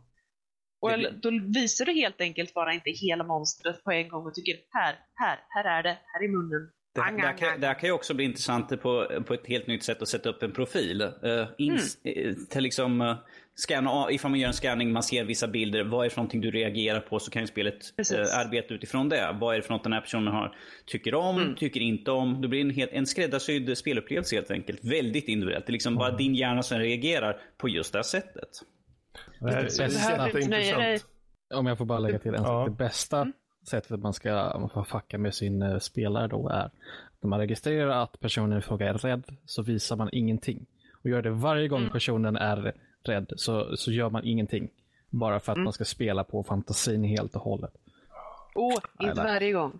För då börjar Nej. spelaren så småningom slappna Ja, av. och för kanske Men en om tio. hundra gånger. Sen jävlar. Precis. Alltså behöver ju potentialen inte bara- är ju så stor. Ja, ja, ja. Och du behöver inte bara begränsa det till visuell input utan du kan Nej. också dra in eh, ljud med det också. Okej, än så länge så har vi inte smell-o-vision. Men det kommer nog det också. Dock så skulle jag vilja, alltså VR, ehm, alltså jag skulle, då, om man har ett VR-headset så skulle jag väl anta att man har bra, bra på hörlurar också. Då ska man ju gärna också ta med uh, binaural recordings också. Så att man, det känns Mm, verkligen precis. som man är inne i världen och det kanske man hör dörrknack eller sånt där och man bara, ah, så. Mm. Det, eh, det finns mycket Absolut, möjligheter här. absolut. Herregud. Ska skrämma väl livet ur folk på riktigt. Vi behöver, eh, vuxenblöjesförsäljningen kommer skjuta i höjden. Ja. Fast jag tycker det är mest ja. intressant att de använder eh, Sword Art Online. Som, det här är en anime-serie, eller först var det en novell tror jag den var från början. Eh, en manga eller något sånt där. Så, att, mm. så jag tycker det är intressant att de använder just det som en startskott för att använda det här. Och jag som har sett mm. serien känner så här. Jag vet inte om jag är riktigt beredd att ge mig in i den världen för jag vet vad som händer i serien. Ja, alltså det är ju ingen jättespoiler att berätta vad som händer i de första avsnitten. Eh, det är alltså det här jättefantastiskt eh, populära VR-spelet där du verkligen går in i världen. Du, du eh, känner, du har taktil känsla och så vidare. Ehm, och så är det på då launch day eh, så blir spelarna fångade, de kan inte nogga ut. Eh, och det ställer till visst problem. Eh, och ja, ja, det är väldigt intressant att man använder just Sword Art Online för den här beskrivningen. Men eh, ja, vad kan gå fel? Ja, avslutningsvis vill jag bara säga att just rent generellt nu, den här utvecklingen som vi ser är jättespännande. Vi, se, vi ser VR på marknaden inom kort. Vi ser eh, som utvecklaren här IBM Japan som utannonserar här. Det finns nu som en uppsjö av idéer som har börjat välla ut känns det som. Och det känns som att nu, det här är bara början. Vi som lever nu kommer se en stor förändring inom de närmsta åren tror jag. På hela spelbranschen och det kommer bli jätte, jätteintressant. Mm. Så, men eh, där har vi i alla fall eh, den här veckans eh, spelnyheter då. Och eh, vi gör som så att vi hoppar vidare helt enkelt. Och då hoppar vi vidare till veckans diskussion. Och eh, den här veckan är det just, finns det ett ut, utgångsdatum för spel? Är exempelvis 10-20 år eh, gamla spel lika bra idag enligt dagens mått mätt? Eller är spel mer barn av sin tid? Vad gäller just grafik, spelmekanik och berättande teknik. Om jag slänger ut det till er då. Eh, hur känner ni? Finns det något utgångsdatum för spel? Alltså jag skulle vilja påstå att det, då måste man titta på spelet när det släpptes och vad försökte spelet åstadkomma. För det, man ser ju många, eh, många spel eh, för, som försökte eh, liksom eh, eh det, ja, alltså, komma med grafisk utveckling om man säger så. Alltså, de är ju definitivt, alltså, de kommer ju alltid, förmodligen aldrig sluta bli uh, trumpade av uppkommande spel. Eller nästkommande spel. Mm. Men om man däremot kollar på spel som fokuserar mer på en story. Alltså nu kanske jag klicka någon form av, eller RPG, jag, kom, jag tänker på rak arm på typ Ultima. Eh, de behöver nödvändigtvis inte ha en, ett utgångsdatum just för att de en story, den, alltså en berättelse, den, den, är den har, den, den är mer tidlös dålig. kanske? Den är tidlös, ja. precis. Mm. Ja. Så det är vad jag har att tänka. Mm. Vad säger du då Rob? Om du unmutar dig själv så vi hör dig. Om någon av er sa att jag råkade muta mig på två ställen. Det var lite udda. Ber om ursäkt. Förlåt. Uh, så går det när man mjuknar på mikrofonen också. Proffsigt. Så kan det gå. Ja, så kan det gå. Cut this. Uh... we'll do it live. Uh, nej, men um, jag tror att det beror på att, hur man tittar på det, lite som jag säger. Liksom. Men, men om man tittar rent grafiskt så tror jag nog att de flesta spel med 3D-grafik uh, uh, blir utdaterade väldigt, väldigt fort. Jag menar, det är som jag sa om, om Devil May Cry, liksom, det är tre år gammalt och jag kände att det var lite utdaterat liksom, på det sättet. Mm.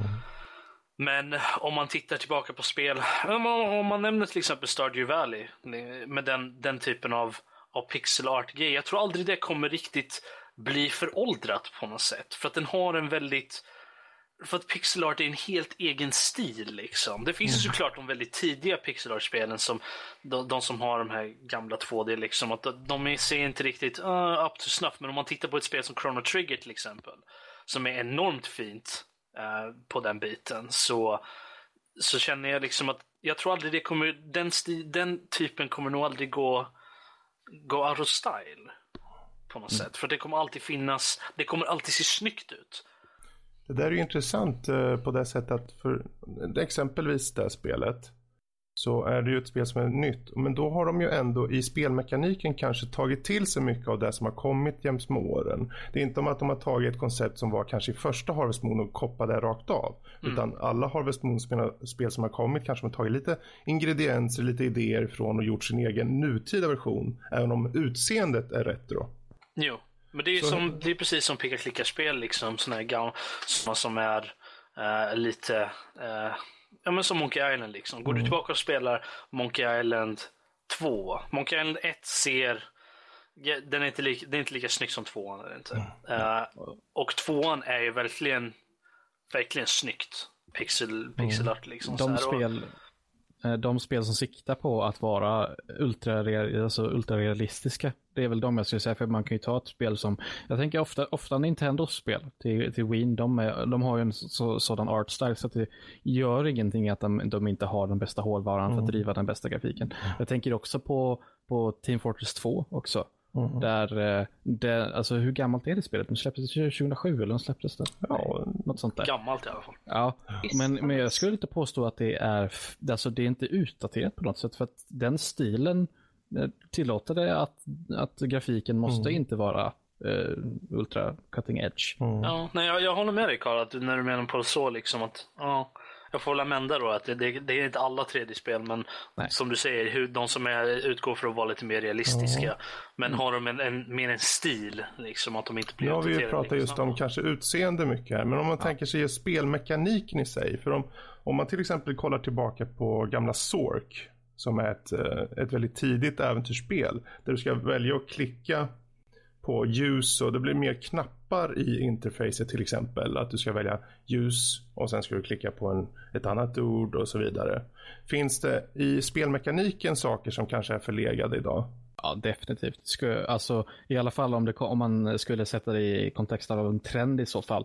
För att innan så var ju 2D side-scrollers, jag tänker också på eh, shoot em ups och sådana där typer av mm. spel. Alltså, och kan givetvis peka-klicka också. Mm. De, har ju, de, de är ju definitivt inte lika stora som de var förr i tiden. Just för att vi har kanske typ gått vidare och folk förväntar sig att det, det ska vara liksom 3D mm. för det mesta. Sen har vi givetvis ganska många undantag. Eh. Danny och Lotta, jag är nyfiken på vad ni tycker just det här med utgångsdatum för spel. Eh, visst, grafiken har ju pratats om då, men berättande teknik också. Men rent generellt, vad tycker ni då? Ja, alltså jag måste säga att det beror väldigt mycket på vem som spelade. Mm. Eh, det som är intressant nu med demografin av gamers är att vi håller på att få en väldigt diversiv ålder. Mm. Vi har väldigt små till faktiskt medelålders som håller på att spela spel. Alltså på riktigt, nu pratar jag inte Farmville.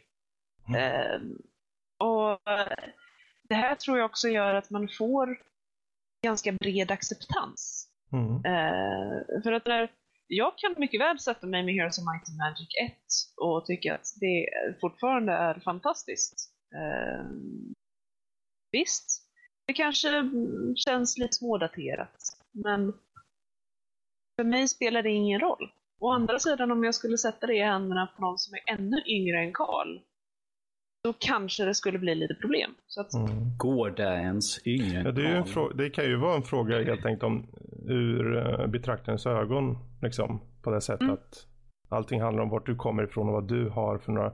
För du kanske, säg att jag spelar Baldur's Gate när jag är 18 och får en fäbless för det, liksom hela den stilen. Då kanske jag har lite, lite tintade glasögon när jag tittar på den typen av spel när jag är äldre. När mm. andra som kanske sätter sig med Baldur's Gate i, i år och tänker ja det här är ett RPG. Nu för tiden så är RPG-erna likt Mass Effect, alltså tredje person. De kanske tycker mm. det är förlegat och det är inte något konstigt med det här liksom då.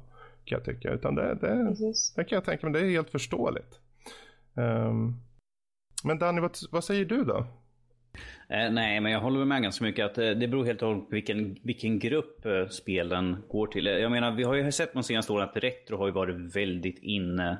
Så vi har ju sett massvis med spel som kommer i de här gamla. Precis som Primordia, vi ser att det är från 2012 men ändå ser ut som ett spel för typ 20 år sedan. Mm. Så att jag tror inte att folk som spelar de spel som kommer ut just nu kan säkert gå tillbaka och ta ett, ett äldre spel bara för att det är den typen av spel som de har testat nu ju. Ja.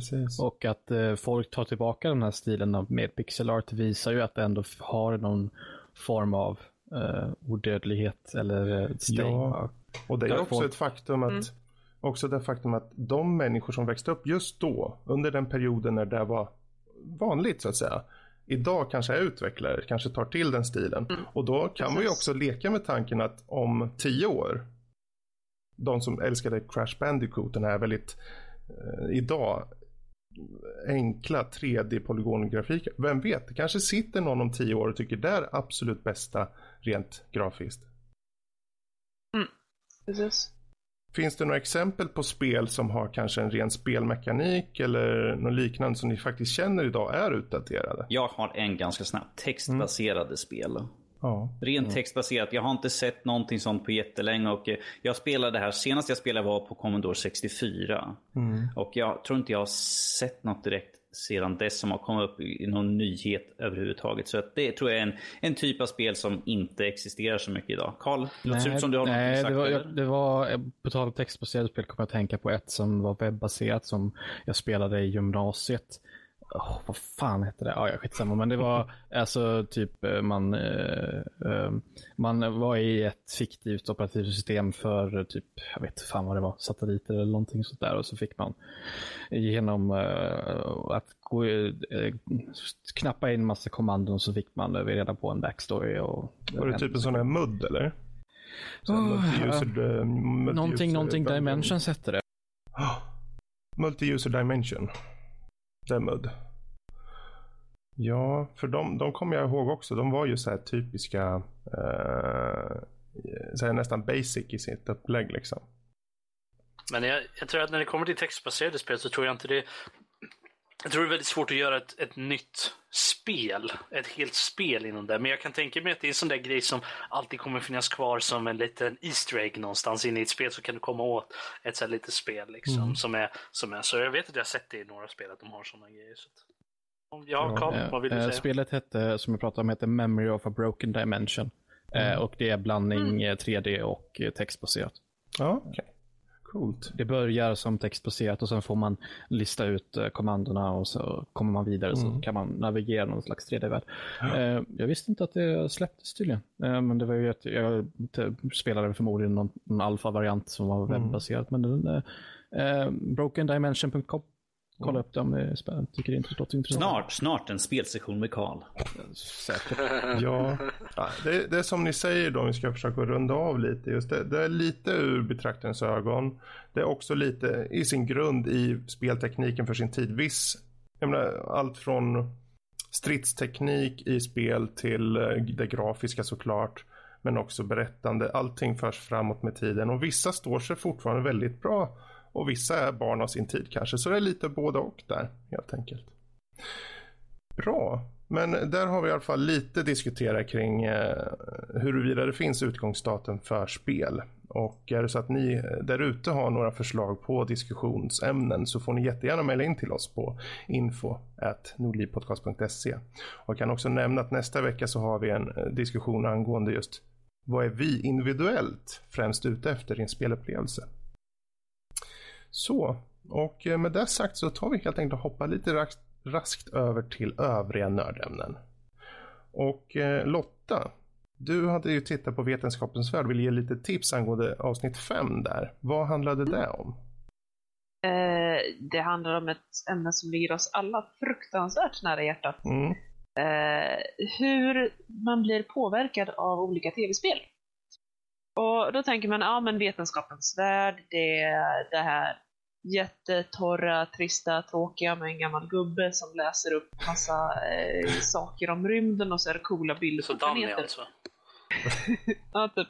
Nej, det här var faktiskt en, en eh, ganska söt tjej som eh, presenterade ett par studier som har gjorts främst då i USA eh, om just hur man blir påverkad av spel och att spela Mm. mycket spel. Var det en Eh. välbalanserad, eh, vad ska man säga, alltså dokumentär? Ja. Eller var den eh, väldigt anti? Nej, den var faktiskt inte anti alls. Eh, den kan möjligtvis tolkas anti i början.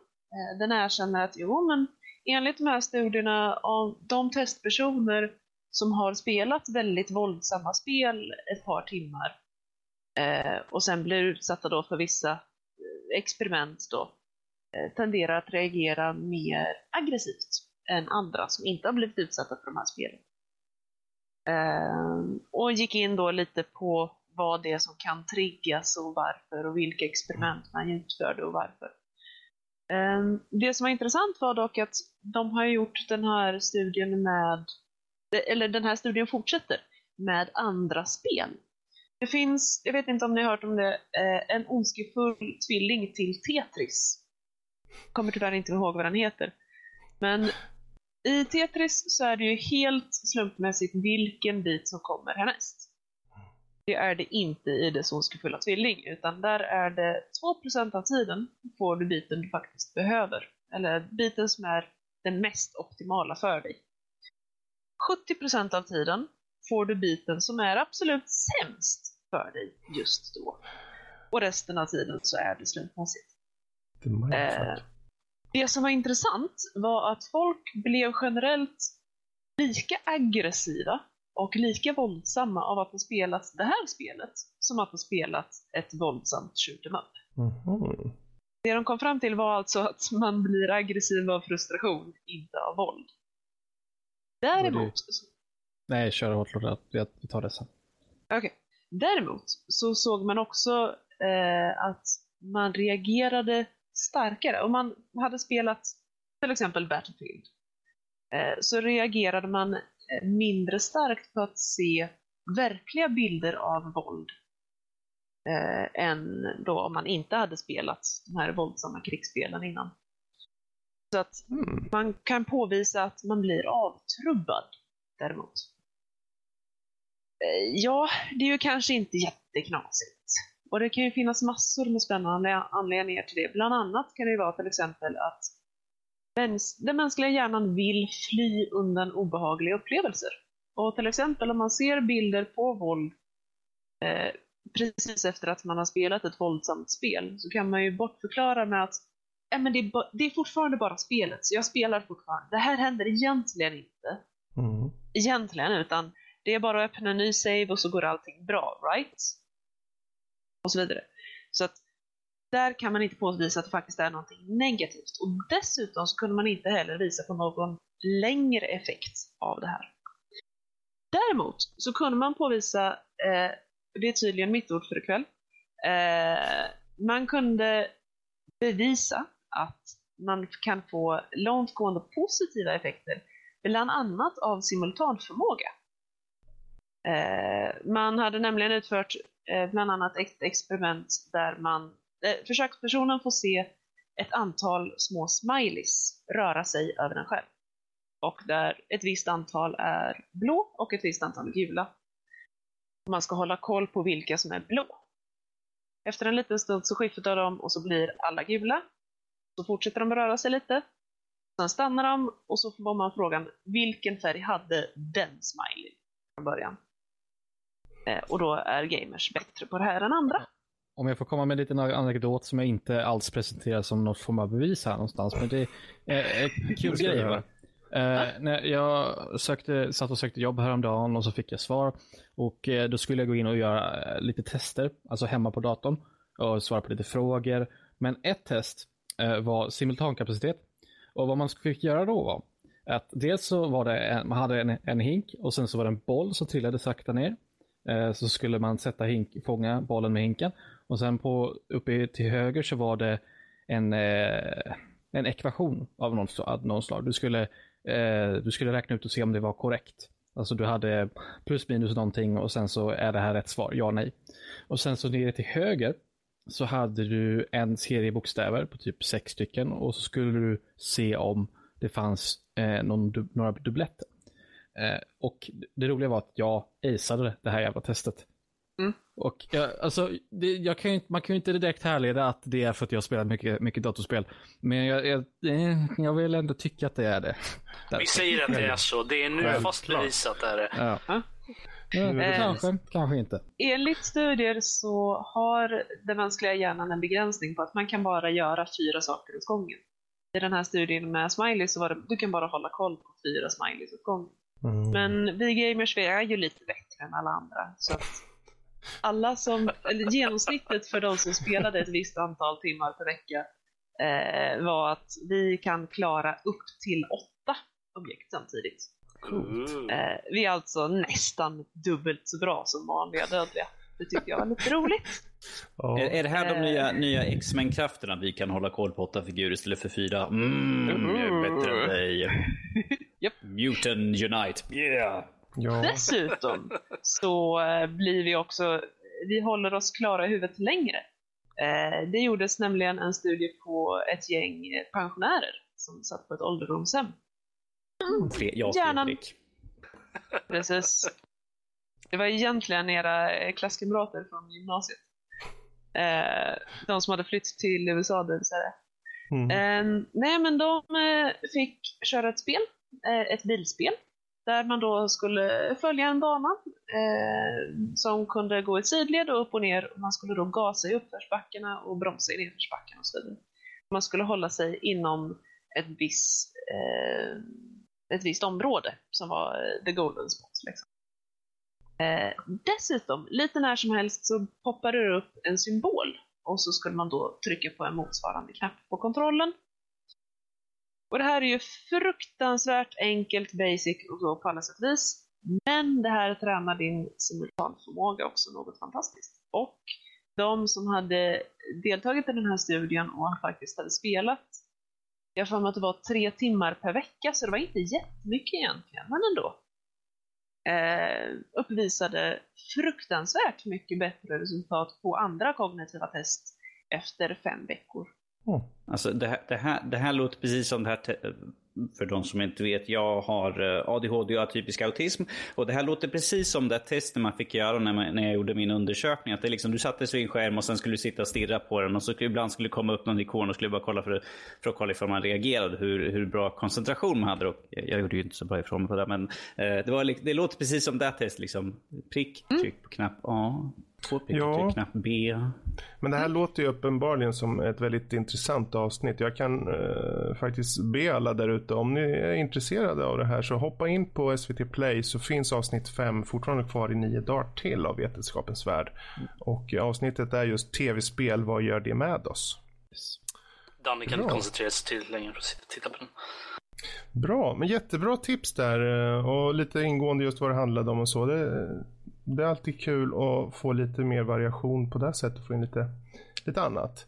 Men eh, med det sagt så rundar vi av övriga nördämnen och hoppar vidare till lyssnarbreven. Rob, vad har vi fått för något roligt? Vi, vi har fått så mycket roliga grejer här, jag måste bara ta upp dem. Tack så mycket. Är det bästa till sist nu? Jag, jag tycker det var mycket roligt för Robert faktiskt tog upp brev. De har skickat brev till oss. Mm.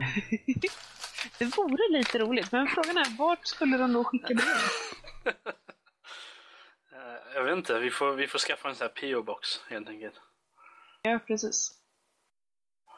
Eh, men eh, vi har fått sladdjäveln i vägen. Uh, kattjävel är också i vägen. Den här sändningen är inte sponsrad av sladdar och katter. Viskas. nej, Eller? Det är den inte. Okej, vi har fått ett, ett mail här från Erika. Har vi fått. Hon säger så här. Hej! Eh, Danny-ikon i vägen också. Eh, allting är i vägen idag, så fy fan vad är det här? Det är synd om dig Rob. Ja, eh, hej alla! Ni hade anime-tips på er hemsida förut. Inte sett några på länge. Kommer det något nytt snart? Ja, det kanske Det det, kommer när det Eh, kommer. Ja.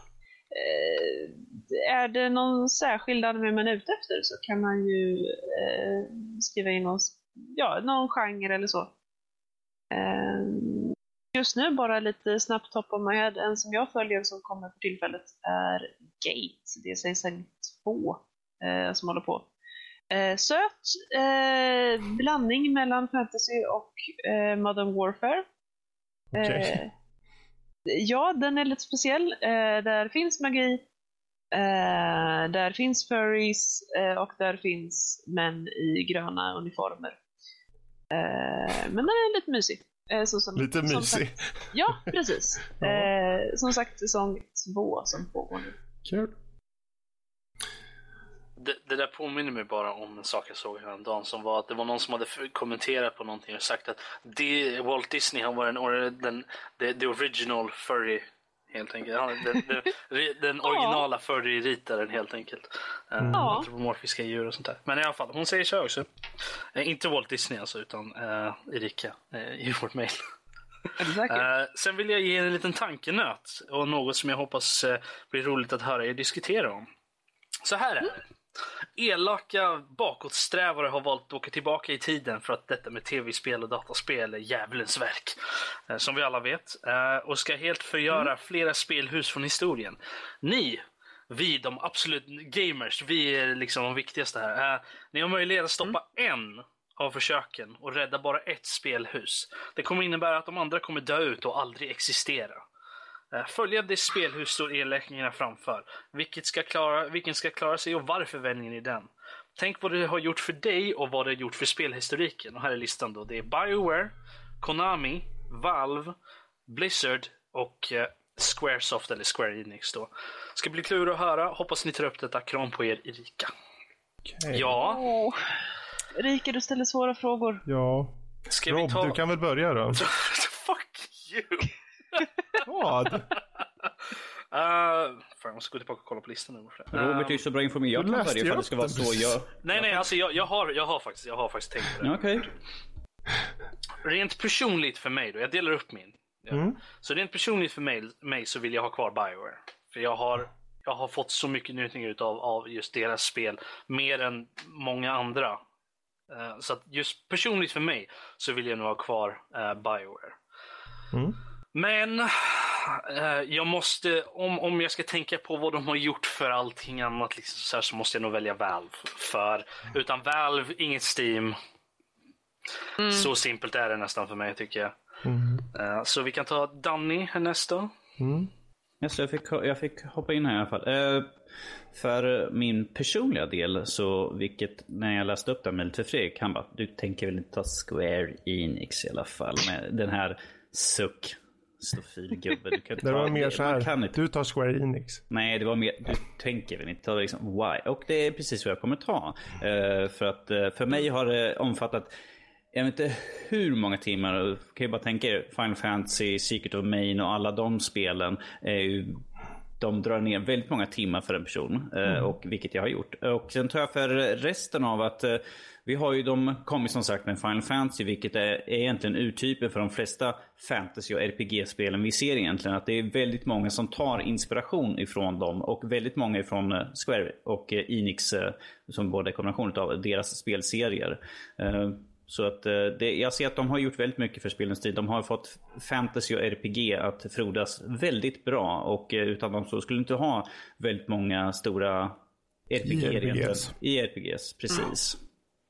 Precis. Där har, där har ni mitt svar. Det, de har gett mig och jag anser att de har gett resten av världen så mycket timmar av nöjen. Men absolut. Så du, så du hade bara det, det en då? Så du, du hade inte delat upp din eller någonting? Utan du kör bara en helt enkelt? Så. Det går bra det. Kalle, vad säger Väl du? på båda punkterna. Mm. Kort och gott. Ja. Vi, ingen av oss är förvånade kan jag tala om för dig. Nej. Jag kan vara förutsägbar på den saken. Lotta? Eller vill du lägga till något Nej, alltså de, eh, de pionerade ju lite i storytelling vad gäller first person shooters där.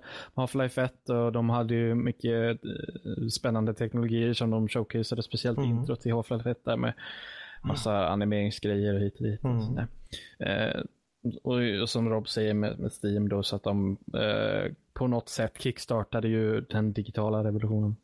Mm. Och det finns väl inte mer att säga än så. Nej. Lotta? Alltså jag har jätteproblem med det här grabbar. Mm. Eh, jag tycker inte om att välja i bästa fall, men det här är Det är bara svårt. lite Nu, snäll. nu måste du. Hon ställde ett krav här nu. Ja, jag vet. Usch. Jag tyckte om henne us. förut. Jag tycker Ja, inte om du- dig längre. Do it! Do it now, get to the shopper. Nej, det var fel. Okej, eh, det här är grejen. Eh, dels, jag måste ju nästan säga Blizzard.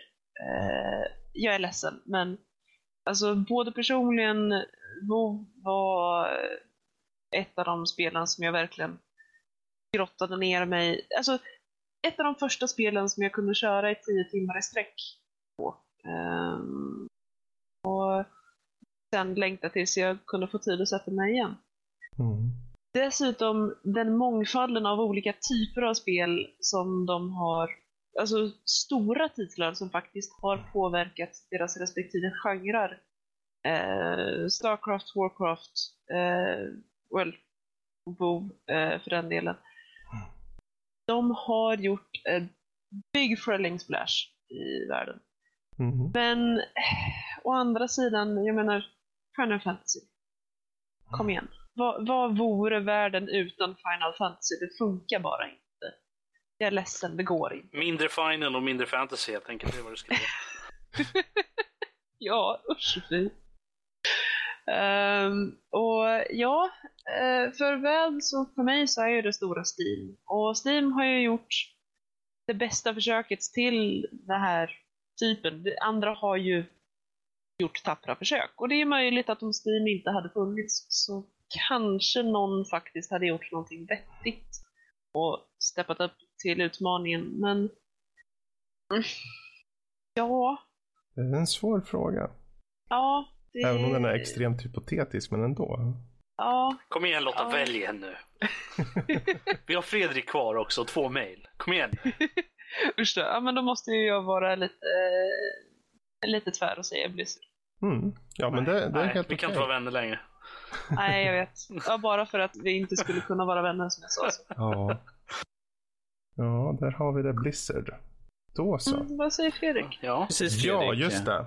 Alltså jag satt dig, du kommer ju... inte undan. Ja, jag satt och tänkte på det här jättemycket. För jag satt och kollade upp dem. Visst, jag har mina personliga preferenser och så. Och alla är ju jätteviktiga för både mig och för hela världen liksom.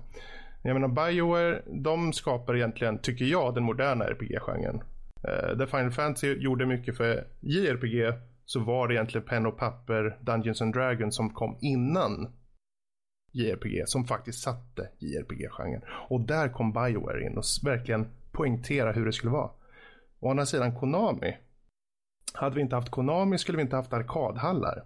Arkadhallar gjorde att det blev mainstream med spel. Hur viktigt var inte det för hela spelindustrin? Extremt viktigt var det. Så jag menar, det var ju allt och dessutom de hade ju på alla plattformar. Så många av de här som Bioware, de kanske höll sig till vissa plattformar. Ja, Konami var överallt. Valve, ja, vi har Steam som, som sagt, men också invasionen då som Kalle var inne på. Eh, de kommer med HTC Vive och de kommer med liksom hela tiden att tänka utanför lådan och det är någonting som många har väldigt svårt att kanske göra. Men de är å andra sidan väldigt stora och det är därför de har möjligheten att göra det. Men framförallt e-sporten. Vem, vem placerade e-sporten? Ja, det gjorde de. Till mångt och mycket, även om Blizzard också har en stor del där. Jag menar, Warcraft är ju väldigt viktigt. Eh, och sen har vi ju deras Starcraft framför allt. På Blizzard-sidan. Det är ju jätteviktigt. Och RTS-marknaden skulle inte ha sett ut som den skulle. Alltså det är skitsvårt. Och Squaresoft, absolut Final Fantasy, då, Secret Domain, Chrono Trigger, Parasite Eve. Men de har ju annat än bara de här JRPG. De har ju så mycket i sitt i, i bagaget så att säga. Och de var ju de på, i mitten av 80-talet som verkligen poängterar hur det skulle se ut eh, med RPG. Och då fortsätter de ändå som utgivare idag med Just Cause, Tomb Raider och Hitman och massor med skitbra spel. Så av de här om jag skulle se till vilka som skulle för, försvinna och sparas för mänskligheten liksom så skulle jag väl säga eh, jag skulle nog säga Konami för jag tror att utan Konami så hade vi inte kommit dit vi var idag. Eh, då skulle jag tappa en del spel men det var för den stora bilden. För mig personligen så skulle jag nog gå på antingen Valve eller Bioware. Eh, det får bli Bioware. Eh, just vad det gör för mig personligen då. Så jag, Så- jag, tror, jag tror att när det kommer till hypotetisk fråga så är det väldigt svårt. Ja. Som du säger, det, de, de väver ju in i varandra så pass mycket. Precis. Liksom. Utan, Ja. utan de som kom före så är det väldigt svårt. Jag menar, Bioware är ju relativt nytt. Det kom ut 90, de började 95. Men, Mm. men det är ju ändå, det Konami är alla så- deras successer liksom. Eller hur Karl? Du minns 95 va? det, Det var ju i året jag, minns föddes. 95. Jag minns 95. jag det. Det kom en grinig skitunge till lillebror till livet det året. Så all, mitt liv har inte varit samma än dess, inte på ett bra sätt. Nej, men, äh, nej, nej, men liksom, de väver ju in med att Bioware är relativt nytt på det sättet. Många Mm. av deras mer stora successer som Ba- Mass Effect och, och Dragon Age och sådana grejer, de är ju väldigt, relativt nya ändå. Mm. Och så, så de är ju väldigt ung studio på det sättet. Medans, men så har man ju sådana som Konami liksom, som är jättegamla som Precis. verkligen satte prägeln för, för mycket av det som är idag. Även om de kanske inte är så jättestora i dagsläget Nej. på det sättet. Så att, men, så Det är jag en tror så det svår fråga just det här med Ja. just det stora hela. Det är klart man försöker ta den som är kanske monumental för, för utvecklingen. Och sen finns det här just det, det personliga såklart då. Mm, Men ja. ja. det var en jättebra fråga och vi får bugar och bockar för den roliga frågan. Alltid Fast, kul. fast jag säger bara så här, Karl, eh, du sa att du är jobbsökande och sånt där. Du ska försöka skaffa ett jobb som Fredrik, för du har ju, du har ju all tid i världen kan tänka på sådana här frågor. Du ser hur bra och skö- och skönt jobb Mm. Fredrik har. Skaffa ett sånt Ja. som jobb som Nu, Fredrik. nu finns det ju så att jag har ju något som kallas fritid också ibland. Nej Fredrik, du har barn så du har inte fritid. Jo, det finns faktiskt tid. Nej, jag har Ja, men jag sitter ju här med dig Det är nu. för att du skickar iväg ungarna till morföräldrarna. Ja, I alla i fall, alla fall en av dem. Gå vidare till nästa mail. Vi har två till att gå igenom. Så att, eh, Mm. vi, vi har Go nästa. for it. Här har vi ett spel från Darian, äh, återkommer till oss. Han säger Yo! Hoppas att livet äger. Lätt. Eh, Okej, menar... Eh. Det var det dag, så Robert kan inte svara. Det har inte varit Roberts dag idag så han kan inte svara. Mm. Nej, speciellt inte när min telefon håller på att hänga sig. Eh, eh, jo, jag blev med barn till slut. Alltså han, inte jag. Eh, eh, Eller? eh, Eller? och med barn menar jag en ny konsol och det är fortfarande han vi pratar om. Jag har inte fått någon Mm. konsol än. Det är jag fick ju pengar och det blev en PS4. Ah, eh, eh, riktigt sweet är den. Fredrik kan säkert hålla med dig här. Jo, den är bra. Eh, kört mängder av Fifa och klarat av Ass Creed Syndicate, eh, men vill ha mer förslag. Eh, jag var, var lite besviken på Ass Creed. Han, säger, han skriver Ass Creed under hela den här. Alltså, Okej. Det är inte du som säger Robert, utan det är nej, det det, har jag vill bara påpeka att det, det, det är han som har Ah. skrivit Ass Creed här. Men det är mest för att jag kände att det var lite same same från tidigare. Men hej, det är en franchise, vad kan man göra? Men jag skulle vilja ha något liknande Ass Creed fast med cool story och mer action. Typ mer blod alltså. Eh, har ni några förslag? Eh, yes, uh, jag Dark Souls. Ja. Mer Eh, blod, mer död. Jag och Fredrik satt ju och pratade lite grann om det här igår och det första är ju som vi båda tänkte på direkt när, när den här frågan var Shadow of Mordor. vilket är ju ganska, ganska snarlikt som Assassin's Creed. Du, har, du kan smyga omkring, du kan klättra och sånt där. Fast det är lite våldsammare, du hugger huvuden av folk och lönnmördar bäst du vill. Blodet ser ut som hallongelé ungefär. Ja, ja men det, det är ju orks och sånt och de har inte rött blod. Blod Eh, sen, sen tänkte jag Thief också. Det är ju också stealth, smyga omkring, sno allt som glimrar. Och Gärna tänkte- inte remaken dock. Alltså de gamla Thief. Ja, man kan, man kan, ja, men jag tänker, för det här är för Playstation 4 nu. Ah, så. okej. Mm. Och eh, sen det sista vi kommer att tänka på, för han vill göra lite, eh, lite mer action och sånt. Och eh, Batman Arkham Knight är ett ganska självklart val där i så fall. Mm.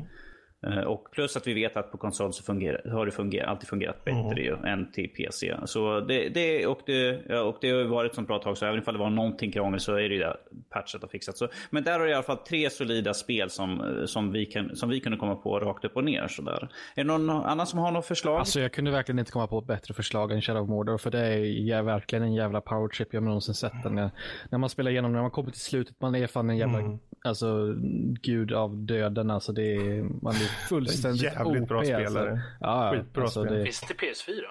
eh, ja, Ja, då. det, det, Mm, okej. det Ja, måste jag det inte. göra. Ja, för det släpptes till Xbox One, eh, Ja. eh, Xbox 360, PS3, eh, PS4 och PC. ju Så. Mm, okej, ja, nu, Så att, jag eh, jag spelade igenom det för, för några månader sedan och det är en stark rekommendation. Absolut. Precis. Jättebra, jättebra. Ja, och, Och eh, gratulera till tillökningen i familjen. säger? Han säger så här. "Eh, Dessutom så vill jag även tacka för ert tips. För även om jag inte var fullt nöjd med Ass Creed så var det ändå ett okej spel. Men alla andra spel har varit great.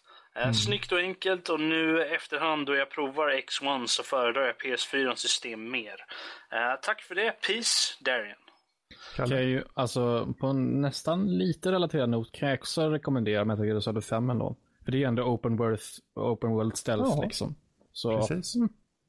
alltså en, ändå. Och den finns ju på Playstation 4. Så att det, Mm.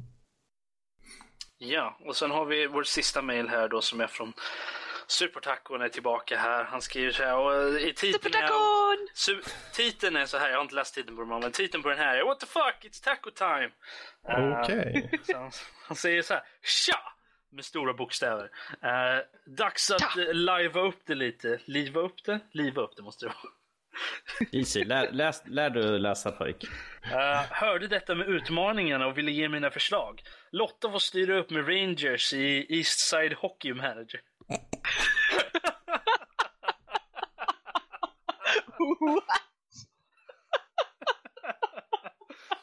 Ah, jösses.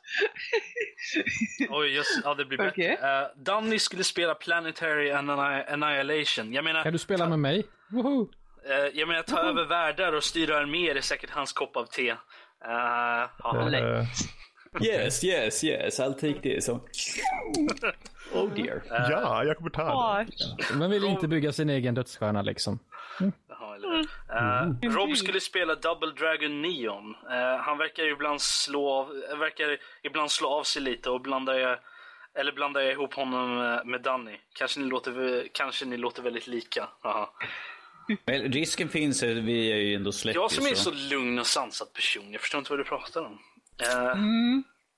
Eh, Fredrik skulle spela Final Fantasy 1 bara för att det är så satans antikt. Och se om man fortfarande är öppen för gamla spel, haha. Eh, att spela ett så gammalt spel är, som, är som att långsamt dra ut upp ett hår från ens bollsäck. Fuck ouch alltså. Okej. Seriously? Eh, Du vet inte vad vi pratar Jag vet inte om jag skulle om. tycka faktiskt att det var så illa att köra Final Ja, Fantasy. men det är väl mest Du kan, du kan Ja. spela Ultima 1 också. Så blir det Här bra. har vi Ja. också, så fortsätter här. Kalle skulle spela någon, någon eh, töntig animal visual novel. Det är så fucking tråkiga så han skulle säkert gå berserk och döda alla i, alla i hans skola eller vad det var han gick på. Nej, Åh, skojar bara. Han kan ju inte döda boyfriend? folk. Jag tänkte, Seriously? precis, jag tänkte precis föreslå Hatterfull Boyfriend. Eller typ Honeypop eller vad fan det skiten nu Hör, hörde du vad han, vad han skrev i, i slutet där? Nej, Han skrev, så? eh, han, skrev så här, han skulle säkert gå berserk och döda alla i hans skola eller vad det var han gick på. Nej, skojar bara. Han kan inte döda folk. Ehm, även om det skulle vara förståeligt efter att ha att han klöst ut ögonen efter att ha tvingats igenom någon anime-dravel. Ja, alltså, eh, min, min, min rumskompis David, han kollar en del på anime. Och jag så här, går in i hans rum ibland för att snacka om det, så ser man bara, kollar på skärmen där, och så är- händer det något, något sånt här typisk anime bullshit. Och jag bara, jag bara går därifrån direkt. Alltså jag, jag tål det inte. Det, nej, det går inte. Jag, Ja. Nej. ja, ja, han fortsätter Då har han mejlat dig då. Han han fortsätter så här. I'm kidding, I'm kidding, sheesh. Eh, jag tycker faktiskt att detta med utmaningen låter helt skönt. Och det var faktiskt intressant att lyssna på Rob förra veckan. Tackar, tackar. Uh, ser fram emot att höra Danny om sitt spel. Ja, det var inte värt att lyssna på direkt tycker jag inte. Så det är inte lika bra som min eh, förra veckan. Så. For, fortsätt äga etern. Med vänliga hälsningar, Supertacon! Uh, PS, anime kan vara kul i korta mängder. eh, bara man hinner spotta ut könshåren innan man äter mer. Åh, Alltså, fin liknelse. Jag- jag Classy as always. Ja, verkligen. Fantastiskt. Okej. fantastiskt. vilken avslutning. Eh, Alltså, dude, you're awesome. det, här, det där får, det var en jättebra eh, utgång där faktiskt. Vi, vi, vi har helt enkelt avklarat mejlen där. Så. Eh, och därmed också avsnittet. Eh, och är det så ni vill ha mer av oss, hoppa in på vår hemsida nordlivpodcast.se och eh, ta, ta och läs lite angående recensioner, spel och filmtips, animetips, kröniker, eh, även YouTube-klipp nu som kommer. Och annat nödrelaterat. Och framförallt, ni hittar ju alla länkar där för att kunna nå oss eller se oss på via iTunes, YouTube, Twitch. All info finns där. Och eh, självklart vill vi också att ni prenumererar på oss, antingen via er podcast-app på iTunes eller YouTube, Twitch eller vår hemsida. Eh, så ni får tillgång till material när det släpps. Och eh, just YouTube då, det är vår YouTube-kanal är www.youtube.com nördlivpodcast. Så ta gärna en titt där. Och eh, ja, utöver detta, är det så att ni har idéer och tankar som ni vill att vi ska ta upp, gör då som supertacon här. Kontakta oss på info.nordlivpodcast.se eller så kan ni nå oss personligen så är det bara att ta förnamnet nordlivpodcast.se. Så når ni oss individuellt. Vi är tacksamma även för de mest outrageous mailen som kommer. Men eh, med det sagt så får vi ta helt enkelt tacka för idag. Det har varit ett eh, fullt avsnitt med skojsigheter. Men nu, nu är det slut på det roliga. Säg tack och hej allihopa. Nej. Tack för att ni lyssnade. Ha det bra. Hej då!